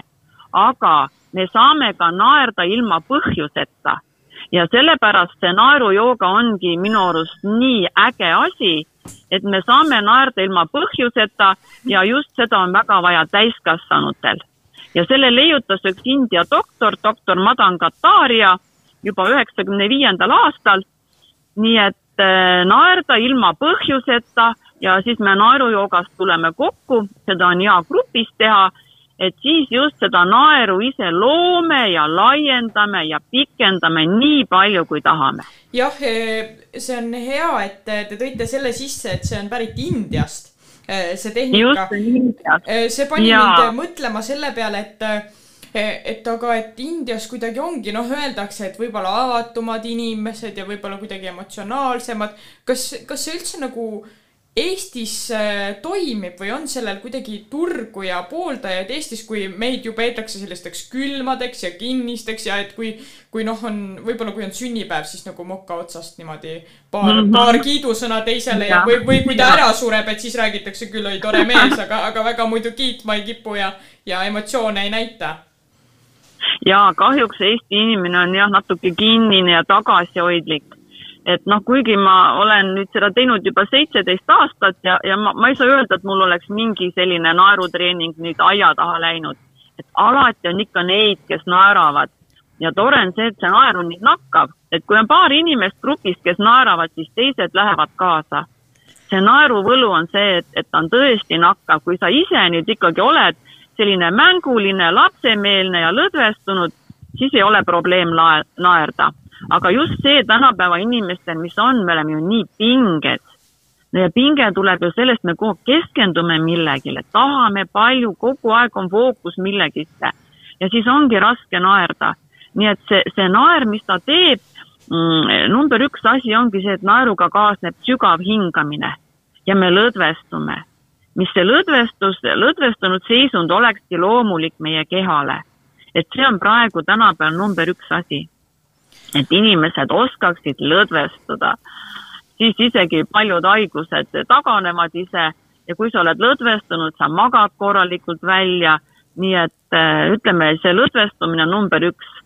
et siis tuleb ka naer paremini välja ma olen kuulnud sellisest asjast nagu naeruteraapia, et täiskasvanud inimesed tulevad ühte tuppa ja ütlevad, et natukene tobe on, aga pärast äh, tekib selline katarsis. kas, kas see on sama asi või need on nagu erinevad asjad? on küll, see on sama just, et tegelikult kui nüüd naerujooga selline klassikaline on poolteist tundi, siis ongi soojendusharjutused, teeme hingamisharjutusi, siis järjest see naer läheb aktiivsemaks. Ja lõpus on siis selline naerumeditatsioon, mis tähendab, et me naerame kohe niimoodi nagu noh, tõesti nii, nagu sealt kõhust välja tuleb.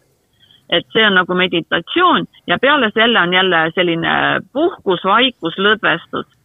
et, et see naer nagu koosnebki, et on, on selline aktiivne osa, sa naerad ja pärast on selline vaikuses olek. sest minu arust naer ja vaikus sobivad nii hästi kokku. et äh, selline klassikaline ja, ja siis äh, ta ongi nagu täiesti teraapia, et ma olen seda teinud ka äh, paaril, paaril korral niimoodi klubina, noh, kusagil kaks aastat ja teinekord oli poolteist aastat, kus inimesed tulevad iga nädal kokku ja naerame siis. Olen seda teinud ja tõesti inimesed ütlevad, et neil iseenesest see naer nagu hüppab välja väga kiir-, väga kergesti.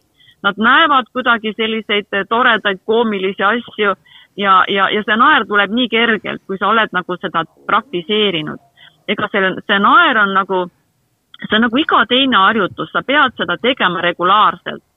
ja siis, et see, see naeru, no ongi nagu lihaste treenimine, jah, kas on sul jalgrattasõit või ujumine või sa teed teda iga päev ja see jääbki nagu sinu sisse, sinu külge, nii et ta hüppab nii kergesti välja, see naer. oota, kuidas te Nii et- ikkagi selle naeru siis nendelt inimestelt kätte saate, kas te seal räägite neile mingeid nalju või istute vaikselt ringis ja siis hakkab keegi naerma või te kõdistate neid või, või, või mis te teete seal siis nendega täpsemalt? täiesti vastupidi. me teeme seda, et me teeme kõike koos. inimesed tulevad kokku, võib-olla viis minutit räägin natukene ja siis me hakkame lihtsalt tegema harjutusi. no näiteks kasvõi praegu ma ütlen, et võta oma kõrvad ja hakka oma kõrvu masseerima.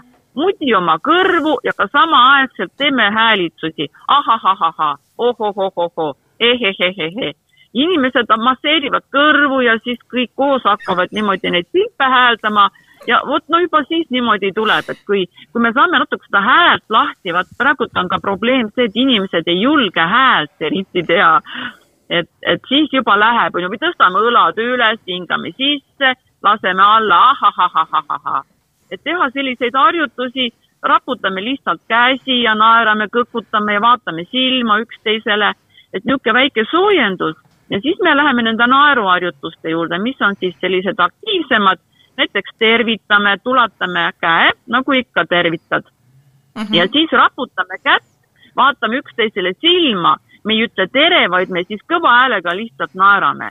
no umbes nii, et sina oled ka siia tulnud, ulatad käe ja naerad. ja et kui praegu nüüd inimesed kuulete, et proovige, kes on sinu kõrval seal, ulata kaaslasele käsi, raputa kõvasti, vaata silma ja lihtsalt naera nii, kuidas sul täna see tuleb. Me ei pea midagi niimoodi üle punnitama, pingutama, ole loomulik, mida loomulikum sa oled, seda loomulikum ja kergem on see naer ka tulema. alustada, alustada siis tuleb kõrvade, kõrvade mudimisest. aga kas eh, ma pean ise oma kõrvu mudima või võib keegi teine ka? ei, mudi ikka ise, mudi ikka ise ja. no aga, aga võiks ju öelda, kas, kas teie kui spetsialist võite Siimarile, kes siin laua taga on, öelda, et tema peab pärast minu kõrvu mudima? muidugi, muidugi, no sest see huumor ja nali käivad ju kokku, aga vaat no huumoriga on see, et huumoriks nagu on põhjust vaja, aga me saame naerda, see naeru unikaalsus on selles, et sul ei pea olema mingit põhjust. sa võid olla täiesti õnnetu, kurb ja masenduses, aga sa saad naerda. et aga... no tõesti, inimesed, proovige, proovige, lihtsalt hakka naerma hinga sisse, hinga välja ja, ja mitte midagi ei ole ju keerulist, sa saad naerda, kui sa oled väga kurb ja õnnetu. aga eestlastel on ju selline ütlus, et eh, narri tuntakse naerust.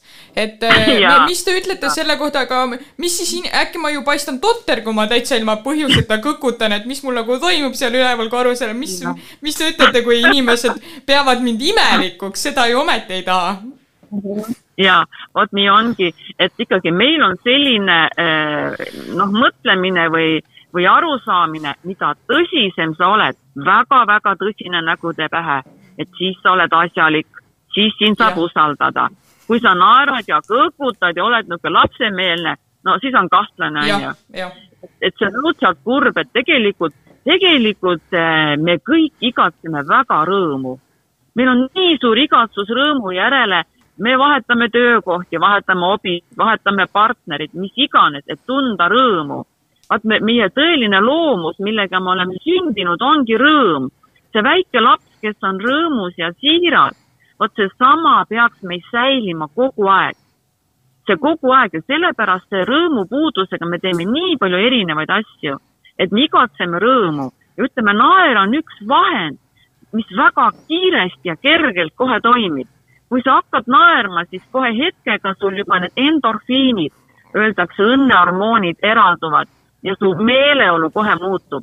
nii, aga kõik aga me tahame meeleolu, jah. aga katsetame äkki kohe siis niimoodi kiiresti veel mõne, mõne minuti, mõni minut on meil jäänud Jaa. äh, mõne harjutuse ikkagi läbi ka, et ärme lase niisama seda mööda.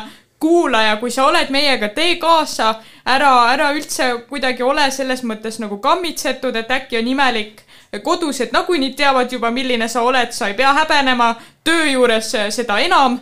lase vabaks, kui sa oled seal liini ääres, lase vabaks, kui sa trimmerdad, lihtsalt naudi ja naera ja teeme paar harjutust. eriti sina, trimmeri mees. ennem kui lähme kohe sinna harjutuste juurde, on see, et kas päevas on Jaa. nagu mingi niisugune kvoot ka, et kui palju peaks naerma või nagu alla mille ei, ei Jaa. tohiks nagu naeru jätta? tähendab viisteist, kakskümmend minutit ja kui ta viisteist, kakskümmend minutit, siis ta on juba ravim.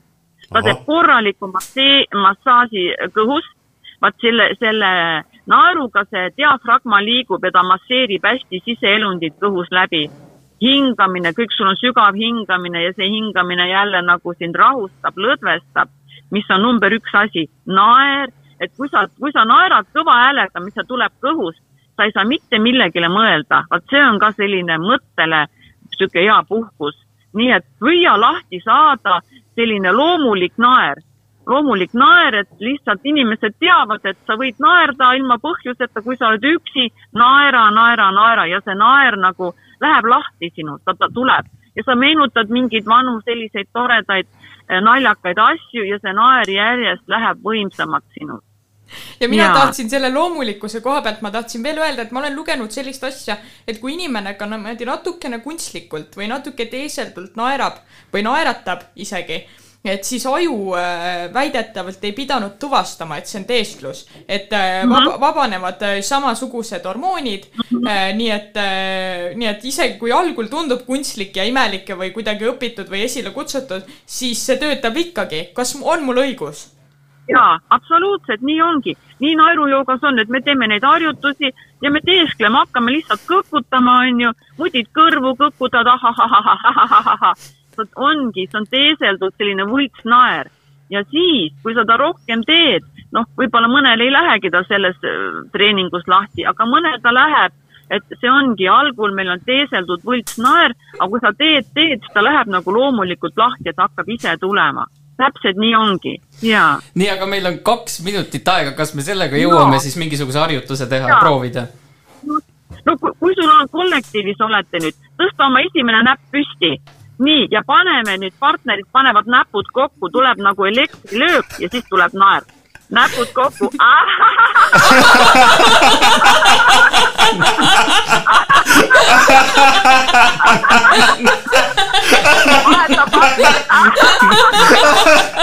see on naljakas, sest Maarja-Liis ei ulata.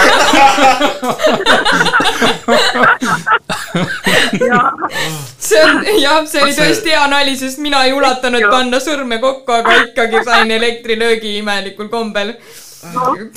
Tegelikult võib-olla ruttu veel üks harjutus, et inimesel on nii palju arvutitööd, neil on randmed pinges, lihtsalt vahepeal raputa oma käsi ja naera.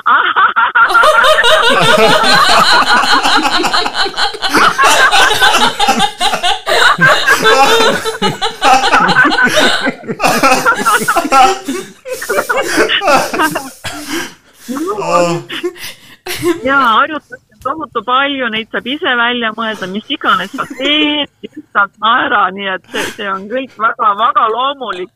Ainuke asi, et sa tead, ära ei unusta, ära unusta ära, et on vaja naerda iga päev ma, ma natukene. küsin teilt ühe viimase, viimase küsimuse, kui tohib, et eh, teil on kindlasti palju rahulolevaid eh, patsiente ja kliente, aga kas on ka selliseid inimesi, kes eh, pärast kahetsevad, et mõtlevad, et nad tegid nüüd omal margi täiesti täis ja, ja ei saa kunagi enam nendele inimestele silma vaadata, kellega koos nad kõkutasid? mina alati ütlen, te olete julged, te olete väga vaprad, sest ikka julged inimesed saavad, no julgevadki kõva häälega naerda, alati toetan. ei, see ei ole, kohati ikkagi on nii, et võib-olla inimesed on kadedad, kes ei julge naerda, nad on kadedad, et teised julgevad rõõmsad olla ja nagu öeldakse, noh, olla mina ise võib-olla rohkem. et see ongi, see hirm ongi nagu olla mina ise, elada oma elu, olla rõõmus nii nagu tegelikult süda tahab, on ju, et me nii palju võtame neid valesid rolle, et, et nagu teistele meeldida või kuidagi jah, sobituda kuhugile. nii et julgust, ainult julgust on minu arust elus vaja, et, et tõesti elada seda elu, mida sa tahad. et, et suurim rõõm on ju rõõmu teha, seda siis äh, luua ja jagada ja minu arust see on nagu väga hea ütlemine. Rõõm on põhiline, mida meil on vaja., rõõm on põhiline, see on suurepärane mõte, millega lõpetada. peame meeles ka seda, et naer pikendab eluiga, nii et kes meist Jaa. tahab, kes meist tahab kauem elada, siis nii nagu hommikul rääkisime, suudelge rohkem ja naerge ja rõõmustage Jah. ja jagage seda rõõmu välja. kes ta, kes, kes hakkas huvi tundma, mis asi on naerujooga ja tahaks minna sinna eh, täitsa teraapiasse niiviisi näiteks mõne kol-, oma töökollektiiviga isegi, siis eh, otsige üles internetist Helje Kasearu, naeruterapeut ja, ja eh, minge aga naerma ja kõkutama ja oma eluiga pikendama. ja me lõpetamegi selle intervjuu äh,, aitäh, Helje Kasearu, et äh, naersite koos meiega ja me lõpetamegi selle intervjuu teie enda tehtud lau-, lauluga Naerujooga. Ja isegi naeruhümn võib selle kohta öelda. Ja kõigile rõõmsat päeva!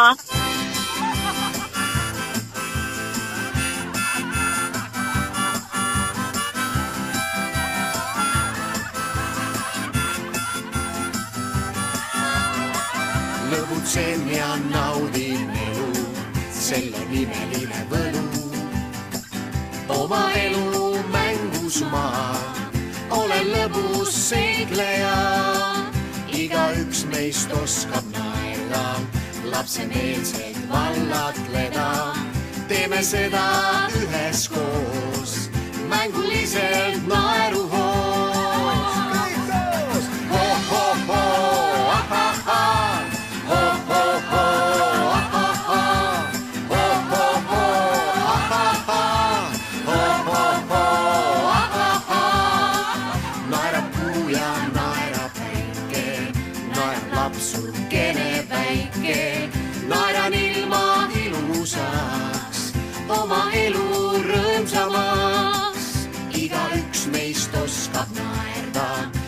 Lapsemeelselt vallatleda. teeme seda üheskoos, mänguliselt naeruhoos.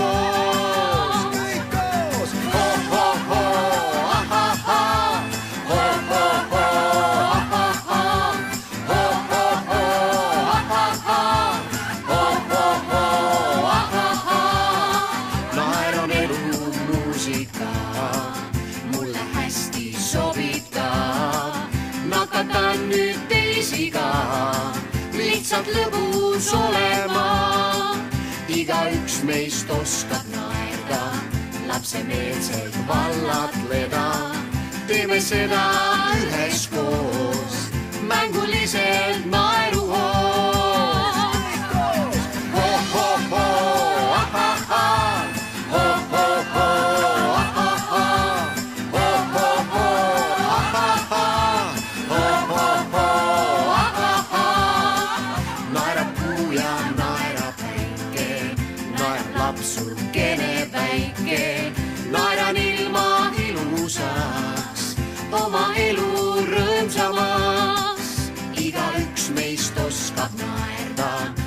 Lapsemeelselt vallatleda. teeme seda üheskoos, mänguliselt naeruhoos.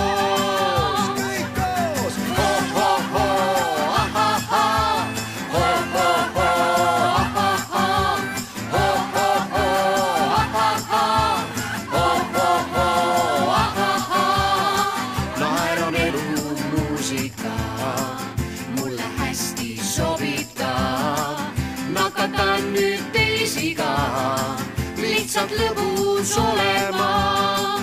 igaüks meist oskab naerda, lapsemeelselt vallatleda. teeme seda üheskoos, mänguliselt naeruhoos.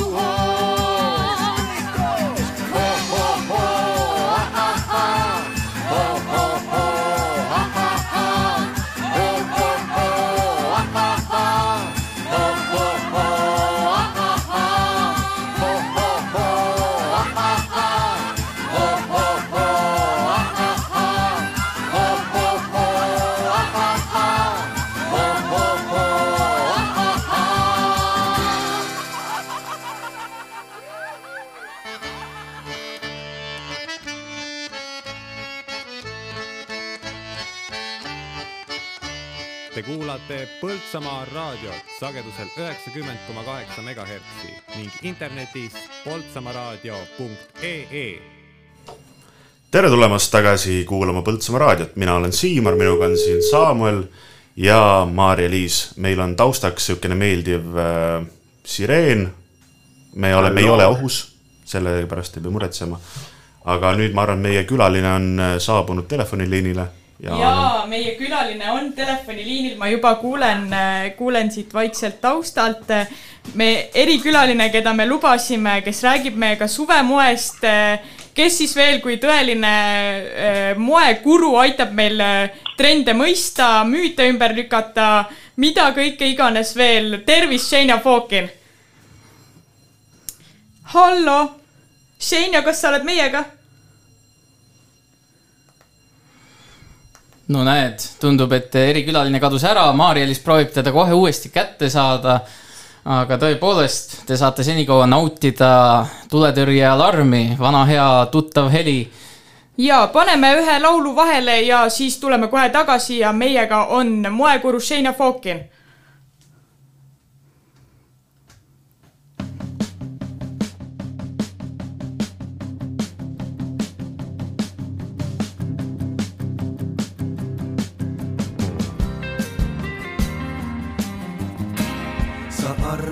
või siis ära arva.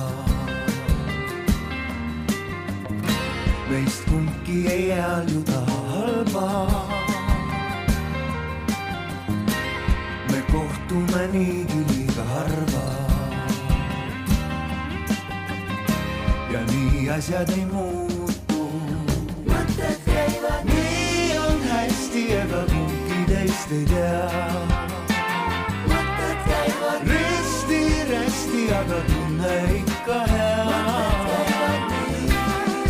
selge see, et ega kumbki kõike tea. mõtted käivad nii. puudub laud ja mäng käib edasi me peas.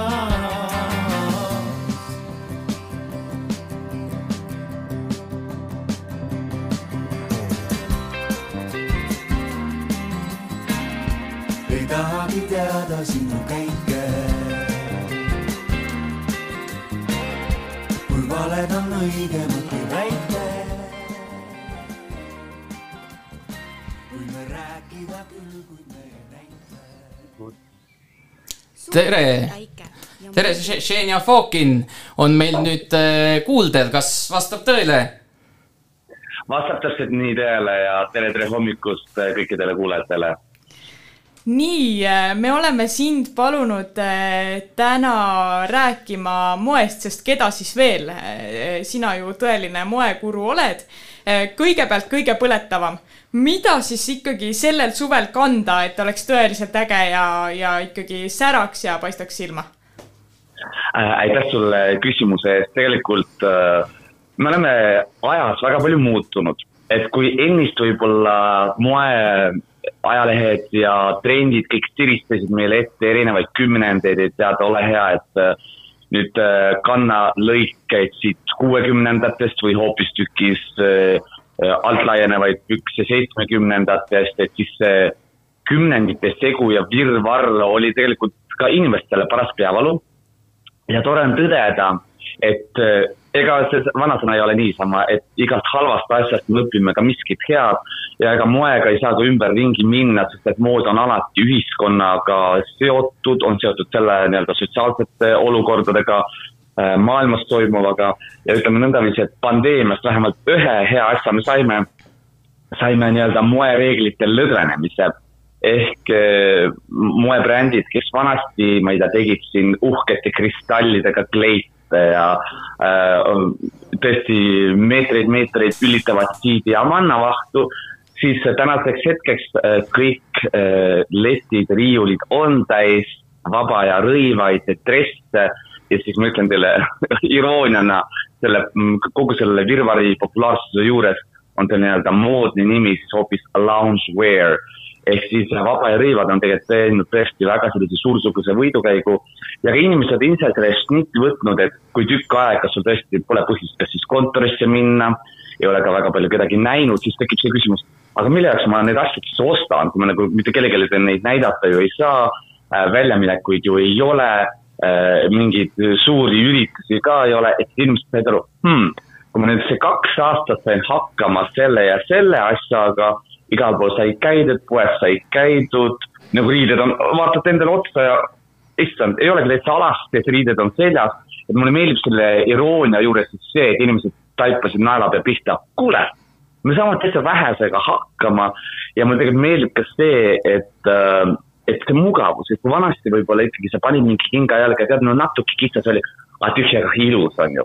et siis tänases hetkes me oleme jõudnud juba sinna, et äh, ei pea moe nimel ohvreid tooma, et kui on ikkagi kitsas või mu enda teine asi, kui ma inimesi riidesse tihti panen, ma kohe esimese asjana, ma isegi ei haara seda riiulilt või puu pealt ennem selga inimesele, kui ma katsun, vaatan, aa, see kortsub väga kergesti, jätan riiulisse, sellepärast et äh, ma arvan, meil on elus nii palju muid asju teha, kui mängida mingit liikimishullu ja otse loomulikult, et see kandmise, käitamismugavus oleks otsekohene kohe nüüd ja praegu. Mäletate aegu, kui keegi kingakauplusest ütles, ah, et kannate sisse, siis ma ütlen nagu ei, meil valikuid on nii palju, et, et sa paned selle koheselt jalga, et keegi ei pea oma jalgu ega kandu siin villi kõndima. Ja mulle meeldib, et inimesed tulevad sellega suht kiiresti kaasa. Kui rääkida hetkel trendidest, siis otse loomulikult ega me ei saa puutumata jätta ka Ukrainas toimuvat sõda, et, et see, ka see on siin puudutatuna ja ega see kõik käib ajastust ja kümnenditest äh, ja sajanditest läbi juba kaasa ka moevooludega.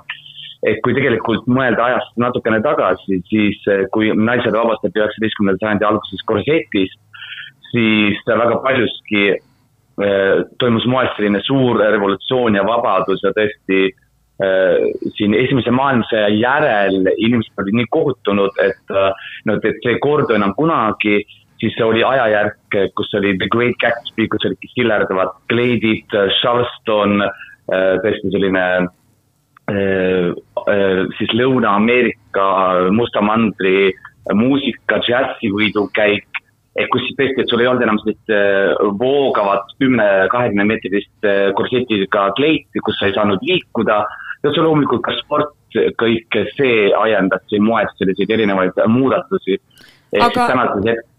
Äh, aga laias laastus äh, võime siis äh, kokku võtta täna niimoodi, et täna moes on see, mida sa tahad kanda. kanna, mida tahad, peaasi, et tunned ennast hästi enesekindlalt ja mugavalt. et, et see ja ongi moes. ma õpetan ühe väikse nipi teile veel. Ja kui teil on kuskile vaja minna, mida ütleme nõnda, et nädala lõpus on teil tulemas juubel või hoopistükkis on eh, mingi sugulaste või sõpradega väike väljaminek, et ärge jätke seda rõivastuse või selga panemist nõndaviisi, et tead, et eh, laupäeva hommikul hakkad nüüd kapist vaatama, mis on mm. Mhm. ja ka tööle minnes ja kuskile ka välja minnes, et äh, tehke sellist väikest nippi, nagu, nagu pange ennast riidesse nagu tita, selles mõttes, et panete nagu lasteaialapsele, panete asjad üks päev varem valmis, ma ütlen teile, päev tuleb kohe sujuv, sa täpselt hommikul teed luubid lahti, võtad oma tassikese kohvi ära äh, ja pesed hambad ära ja saad aru, et, et oo oh,, ma panen täna selga selle. mitte see, et sa hakkad nüüd seal tuhnama ja mis selga saaks, sellepärast et ka see on, ütleme selline väike nagu stressiosa ja riided, see ei pea olema stress, see peab olema nagu lõbus, tore. Aga trendidest sinna juurde võib-olla rääkida, et kindlasti suvisel hooajal kõik sellised värvid, vitamiini jo- joviaalsus, toretsevad, õitsvad mustrid, et kõik see on kindlasti omal kohal ja eh, eks see värvide juures on tegelikult ka meels kodeeritud automaatselt juba juurde. mul on üks küsimus veel, et kas sokid ja sandaalid pole ikka veel moodi tulnud? Minu teada need on täiega moelaudadelt läbi käinud ja kui need moodi tulid, mul oli väga kerge öelda, mis, mis moetrendist me siin räägime, et nagu ma mäletan väga hästi, vanaisa alati kandis sokid ja sandaalid. ega seal on tegelikult mingi oma põhimõtte juures võib-olla kuidagi ägedalt ära eh, stiliseerida, siis tõesti võivadki olla need vanaisa sandaalid on praegu väga selline kuum kaup ja sinna juurde puhas sokk, ma arvan, see on sellise väga ägeda komboga aga võib-olla tihti millega mööda pannakse, pannakse see, et näiteks kui sokk on kirju ja kas pükste mustril või särgemustril on ka mingeid äh, motiive peal, siis see läheb natukene nagu sellisesse äh, omadega natuke rappa, aga ma arvan, kui stiliseerida nõndaviisi, et sul ongi ühevärviline püks, ühevärviline särk või T-särk ja sinna ühevärviline sokk, siis tegelikult ta täitsa ajakirjalaadne kombo on juures. nii et tuleb välja, et see sokk ja sandaal on tegelikult natukene selline tabu või selline müüt, aga Xenia, sina ju eh, oled ka, ütleme, inimestele personaalseks eh, stilistiks ja teed nendega personaalseid poodlemisi. milliseid eh, selliseid stigmasid, tabusid, müüte sa veel oled inimeste juures näinud või pidanud ümber lükkama, mis tegelikult nagu kammitsevad ja üldse, millele ei, ei peaks kuidagi mõtlema või laskma ennast piirata? mm,. aitäh väga hea küsimuse eest. tead, kogu selle aastate käigus äh, tõesti personal shopping ut tehes inimesi riidesse panna, et ma näen, et äh, teate, olge väga ettevaatlikud oma mingi kommentaaridega teistele, selles mõttes, et, et keegi, kellegi väikese piiks võib teisele inimesele kuidagi nagu forsseeruda hoopis kuidagi teistmoodi.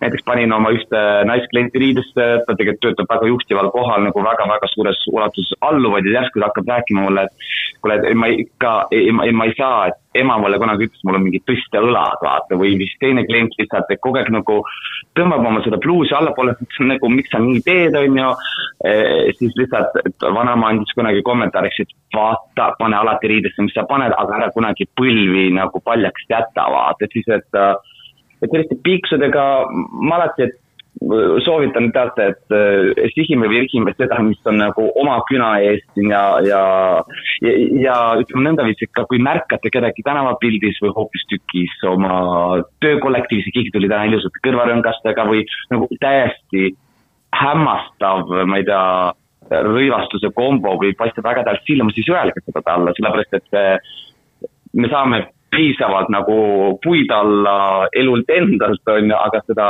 häid, nii-öelda head sõna ja paid, et seda võib-olla, tegelikult seda ei ole mitte kunagi liias. Äh, aitäh, ma arvan, need on väga head asjad, mida meeles pidada. mul on veel selline küsimus, et äh, kuna me helistame Põltsamaalt, me oleme Põltsamaa raadiost, kas äh, sa oled ju Eesti peal palju ringi käinud, kas väikestes kohtades need äh, trendid või äh, moearusaamad, kas need erinevad kuidagi, kas inimesed käivad kuidagi teistmoodi riides kui näiteks äh, pealinnas? tead, mulle väga meeldib just see, et väikelinnades inimesed on isegi kohati julgemad kui Tallinnas, sellepärast et seal neil tekib selline et on olemas sellised nii-öelda nagu linna minemise riided, siis on mingi erinevate sündmuste riided ja igapäevases kulgemises võib-olla natukene äh, armastatakse ka rohkem silma paista ja tegelikult väikekohal on nagu ka see eelis, et äh, inimesed on tegelikult tänasest hetkest ka üle saanud valehäbist, et kuule, ma selle asjaga juba olen käinud, so what, see on sul ilus, see on, see hästi sobib selga, et lähtuge aina rohkem iseendast ja see paneb ringlema sellise väga mõnusa suvise meeleolu. Ja ma ütlen, ega mitte Põltsamaa ei jää mitte kuidagi Tallinnale, Pärnule või Tartule alla, nii et ägedat suve, nautige seda kuumalainet seni, kuniks äh, seda on. Ja, ja otse loomulikult ärge stressake ja mõelge üle moe pärast, vaid äh, tõesti äh, pange iseennast esikohale. Ja rivastus on lihtsalt nii-öelda nagu selline teie lause täiendus ilma miskit ütlemata absoluutselt ilusad mõtted, südamest aitäh, Xenia Fokin, kõike paremat ja kordaminekuid ja kohtumisteni võib-olla juba Põltsamaal. ja suur-suur aitäh teile ja tervituse Põltsamaale, olge tubli, tšau-tšau-tšau. tšau. aitäh teile.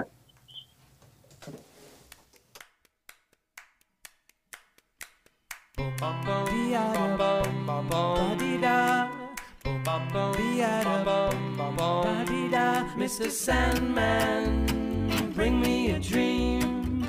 Make him the cutest that I've ever seen. Give him two lips like roses and clover. And tell him that his lonesome nights are over. Sandman, I'm so alone. Don't have nobody to call my own. Please turn on your magic beam. Mr. Sandman, bring me a dream.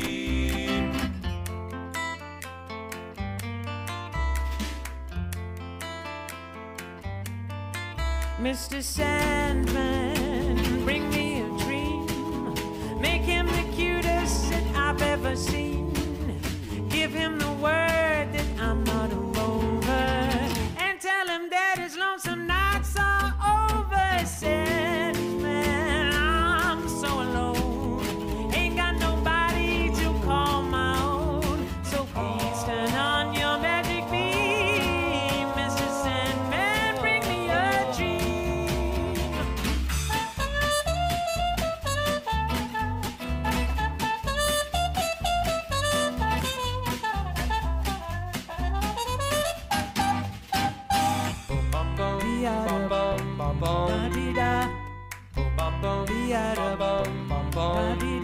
Mr. Sandman, bring us a dream. Give him a pair of eyes with a come hither gleam. Give him a lonely heart like Pagliacci. And lots of wavy hair like Liberace. Sandman, someone to hold. We'll be so easy before we are too old. So please turn on your magic beam. Mr. Sandman, bring us, please, please bring us, Mr. Sandman, bring us a dream. kas oled kuulnud Põltsamaal linna ääres paiknevast pikaaegsest ettevõttest? puitprofiil, kvaliteetsed liimpuidust akna ja ukse detailide toorikud meie kodukohast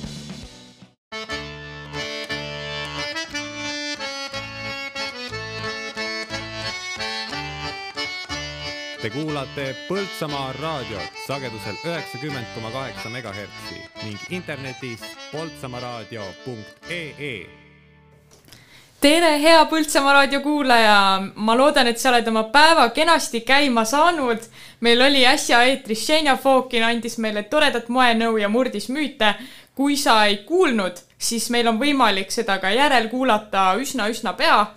Nii et äh, poltsamaaraadio.ee avasta sealt erinevaid pärle hakkavad üles äh, tulema näiteks äh, ütles Xenia üllatava fakti, et sokk ja sandaali ei ole sugugi mitte tabu, kui seda õigesti kanda ja Siimarit see südamest rõõmustas.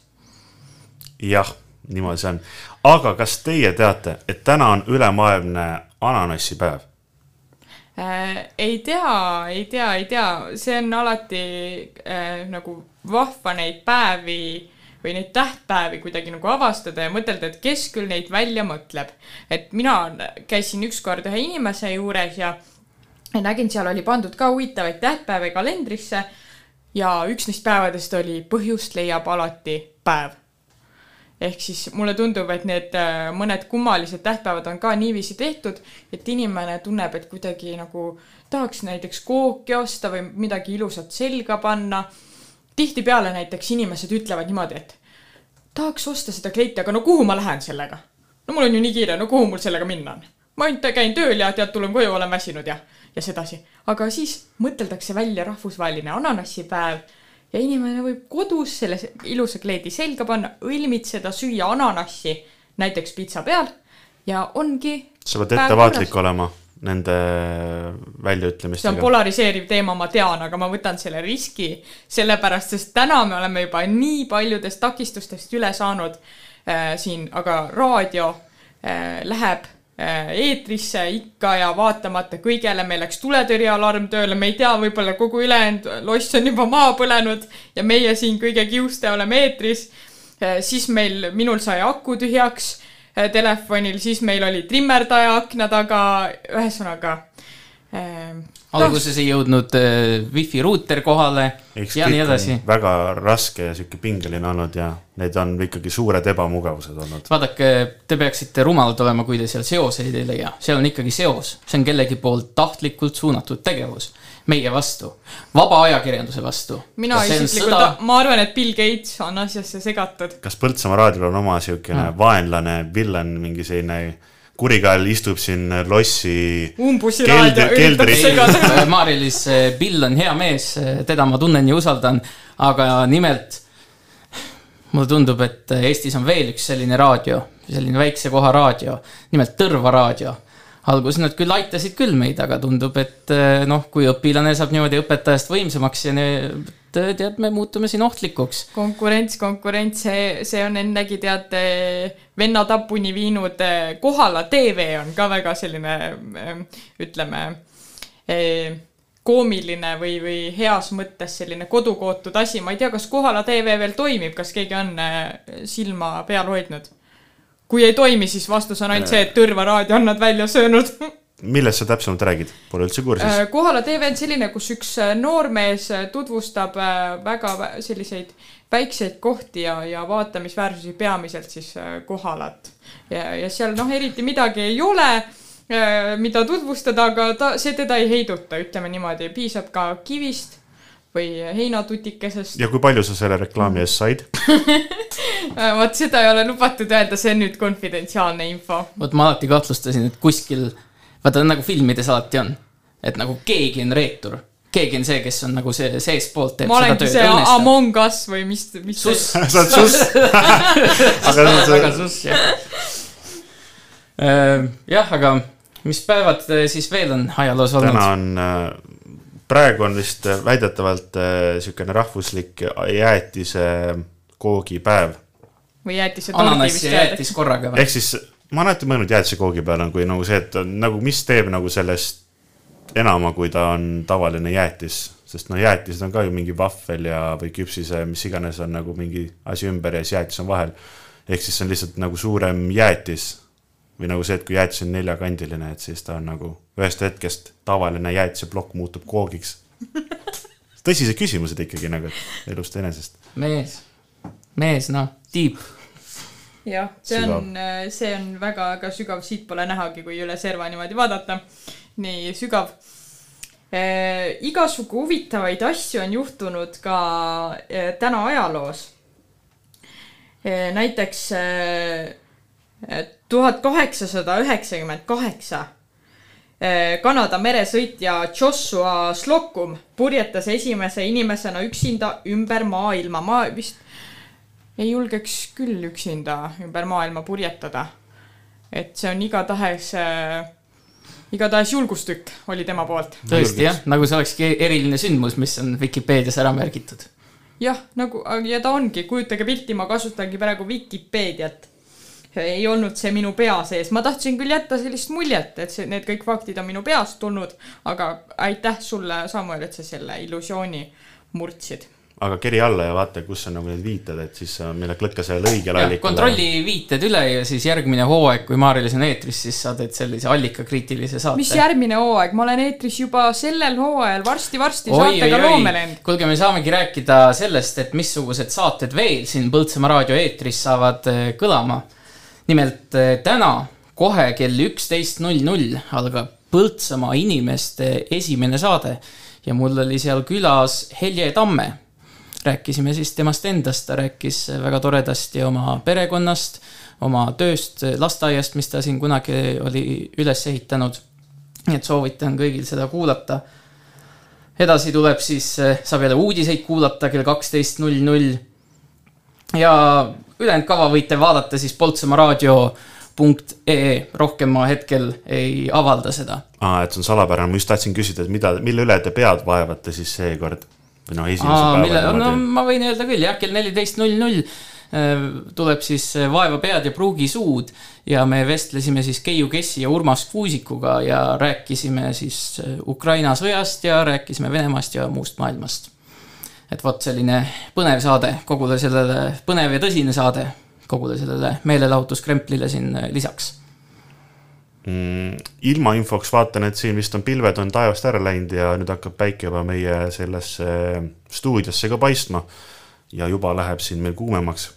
siin on olnud terve aja väga palav, nii et eh, kui teil on pretensioone meie suurtele ülemustele, siis pange see kõik, pange meie kõik sellised nagu mm, viperused ja möödalaskmised, pange ilma arvele, sellepärast et tõeliselt palav on siin, õhk liigub vähe, aga ikkagi, ikkagi ja ikkagi me anname endast parima, et teieni tuua ilma ja siis selle trimmerdaja arvele.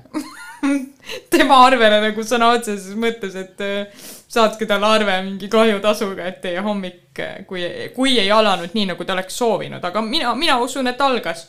mina usun, et äh, oli, tõeliselt palju siit, mida, mida kaasa võtta. Maarja-Liis, aga meil on kindlasti mõned eh, kuulajad juurde tulnud. sul on viimane võimalus üles kutsuda neid kuulama sinu saadet. rohkem sul seda võimalust ei tule. nii et tee seda kohe. siis, kui saade juba peal on, siis äh, siis on hilja. jah, jah, jah, see kõlab küll nüüd niimoodi, nagu ma peaksin kohutavalt vaeva nägema, et oma saadet promoda, sest kes seda ikka muidu kuulaks. kütta rahvas äh, kuumaks. aga mul on, ütleme nii, et mul on seljatagune ja mul on fänne. mul on aastate pikku kogunenud fänne ja ma kindlasti hakkan ka oma Facebookis seda oluliselt eh, reklaamima, seda saadet, mida ma teen ja, ja siis olge valmis, kes mu sõbrad on Facebookis, et, et seal tuleb eh, kuidas, kuidas öeldakse spämm eesti keeles, kas te teate rääkida slängist? vaat see on äh, rämpspost ikka vist, on ju, aga, aga see kuidagi kindlasti mingi ägedam eestikeelne sõna, ikka mõeldakse välja sõnu, mida reaalselt Guugelda, Siimar.. guugeldan või? guugelda spämmi. igatahes ma hakkan spämmima kõiki oma Facebooki sõpru oma äh, kultuurisaate siis reklaamiga. sest et on tõesti olnud vahvaid vestluseid ja ajakirjanik Taavi Libega on olnud äh, tore vestlus äh, äh, Norra eestlasega, kes kusjuures andis oma esimese luulekogu välja üldse mitte emakeeles, vaid meie meie omas armsas eesti keeles ja on ka Eesti Kirjanike Liidu liige, nii et äh, ei pea üldse olema äh, päris äh, sünni poolest eestlane, et äh, sinna kuuluda, vaid peab eesti keelt armastama ja ma usun, et meie ka armastame eesti keelt. kas midagi selgus, kuidas öelda spämm? nimelt selgus, rämpspost on tõesti õige, aga eesti keeles on see sõna siis mugandatud, ehk siis pandi A-le täpid peale ja üks M juurde. vot ja aitäh sulle selle järjekordselt, Siimar on see tark mees taskus meil, tema on see meie valgustav, valgustav guru täna. Nii et siis spämm äh, ä-ga. härib meid, jah, aga Siimar ja Maarja-Liis, oli tore teiega siin täna jääda häbisse ja koos äh, naerda väga totakalt. aga tänase saate me lõpetame ja tänase saate lõpetab siis Anne Veski oma Hea tuju lauluga. aga öelge viisakalt nüüd äh, vaatajatele hüvasti vaatajatele, kas meid nähakse Vaatajatele, kuulajatele. oleks ma teadnud, ma poleks olnud rinnahoidja väel terve aja. aga olgu. siivutu. meeldivat äh, hommikupoolikut, lõunat. Kõike head ja elagu Põltsamaa raadio, olge, olge eh, hoitud ja olge rõõmsad, Põltsamaa inimesed, naerge ja, ja tundke suvest rõõmu. jah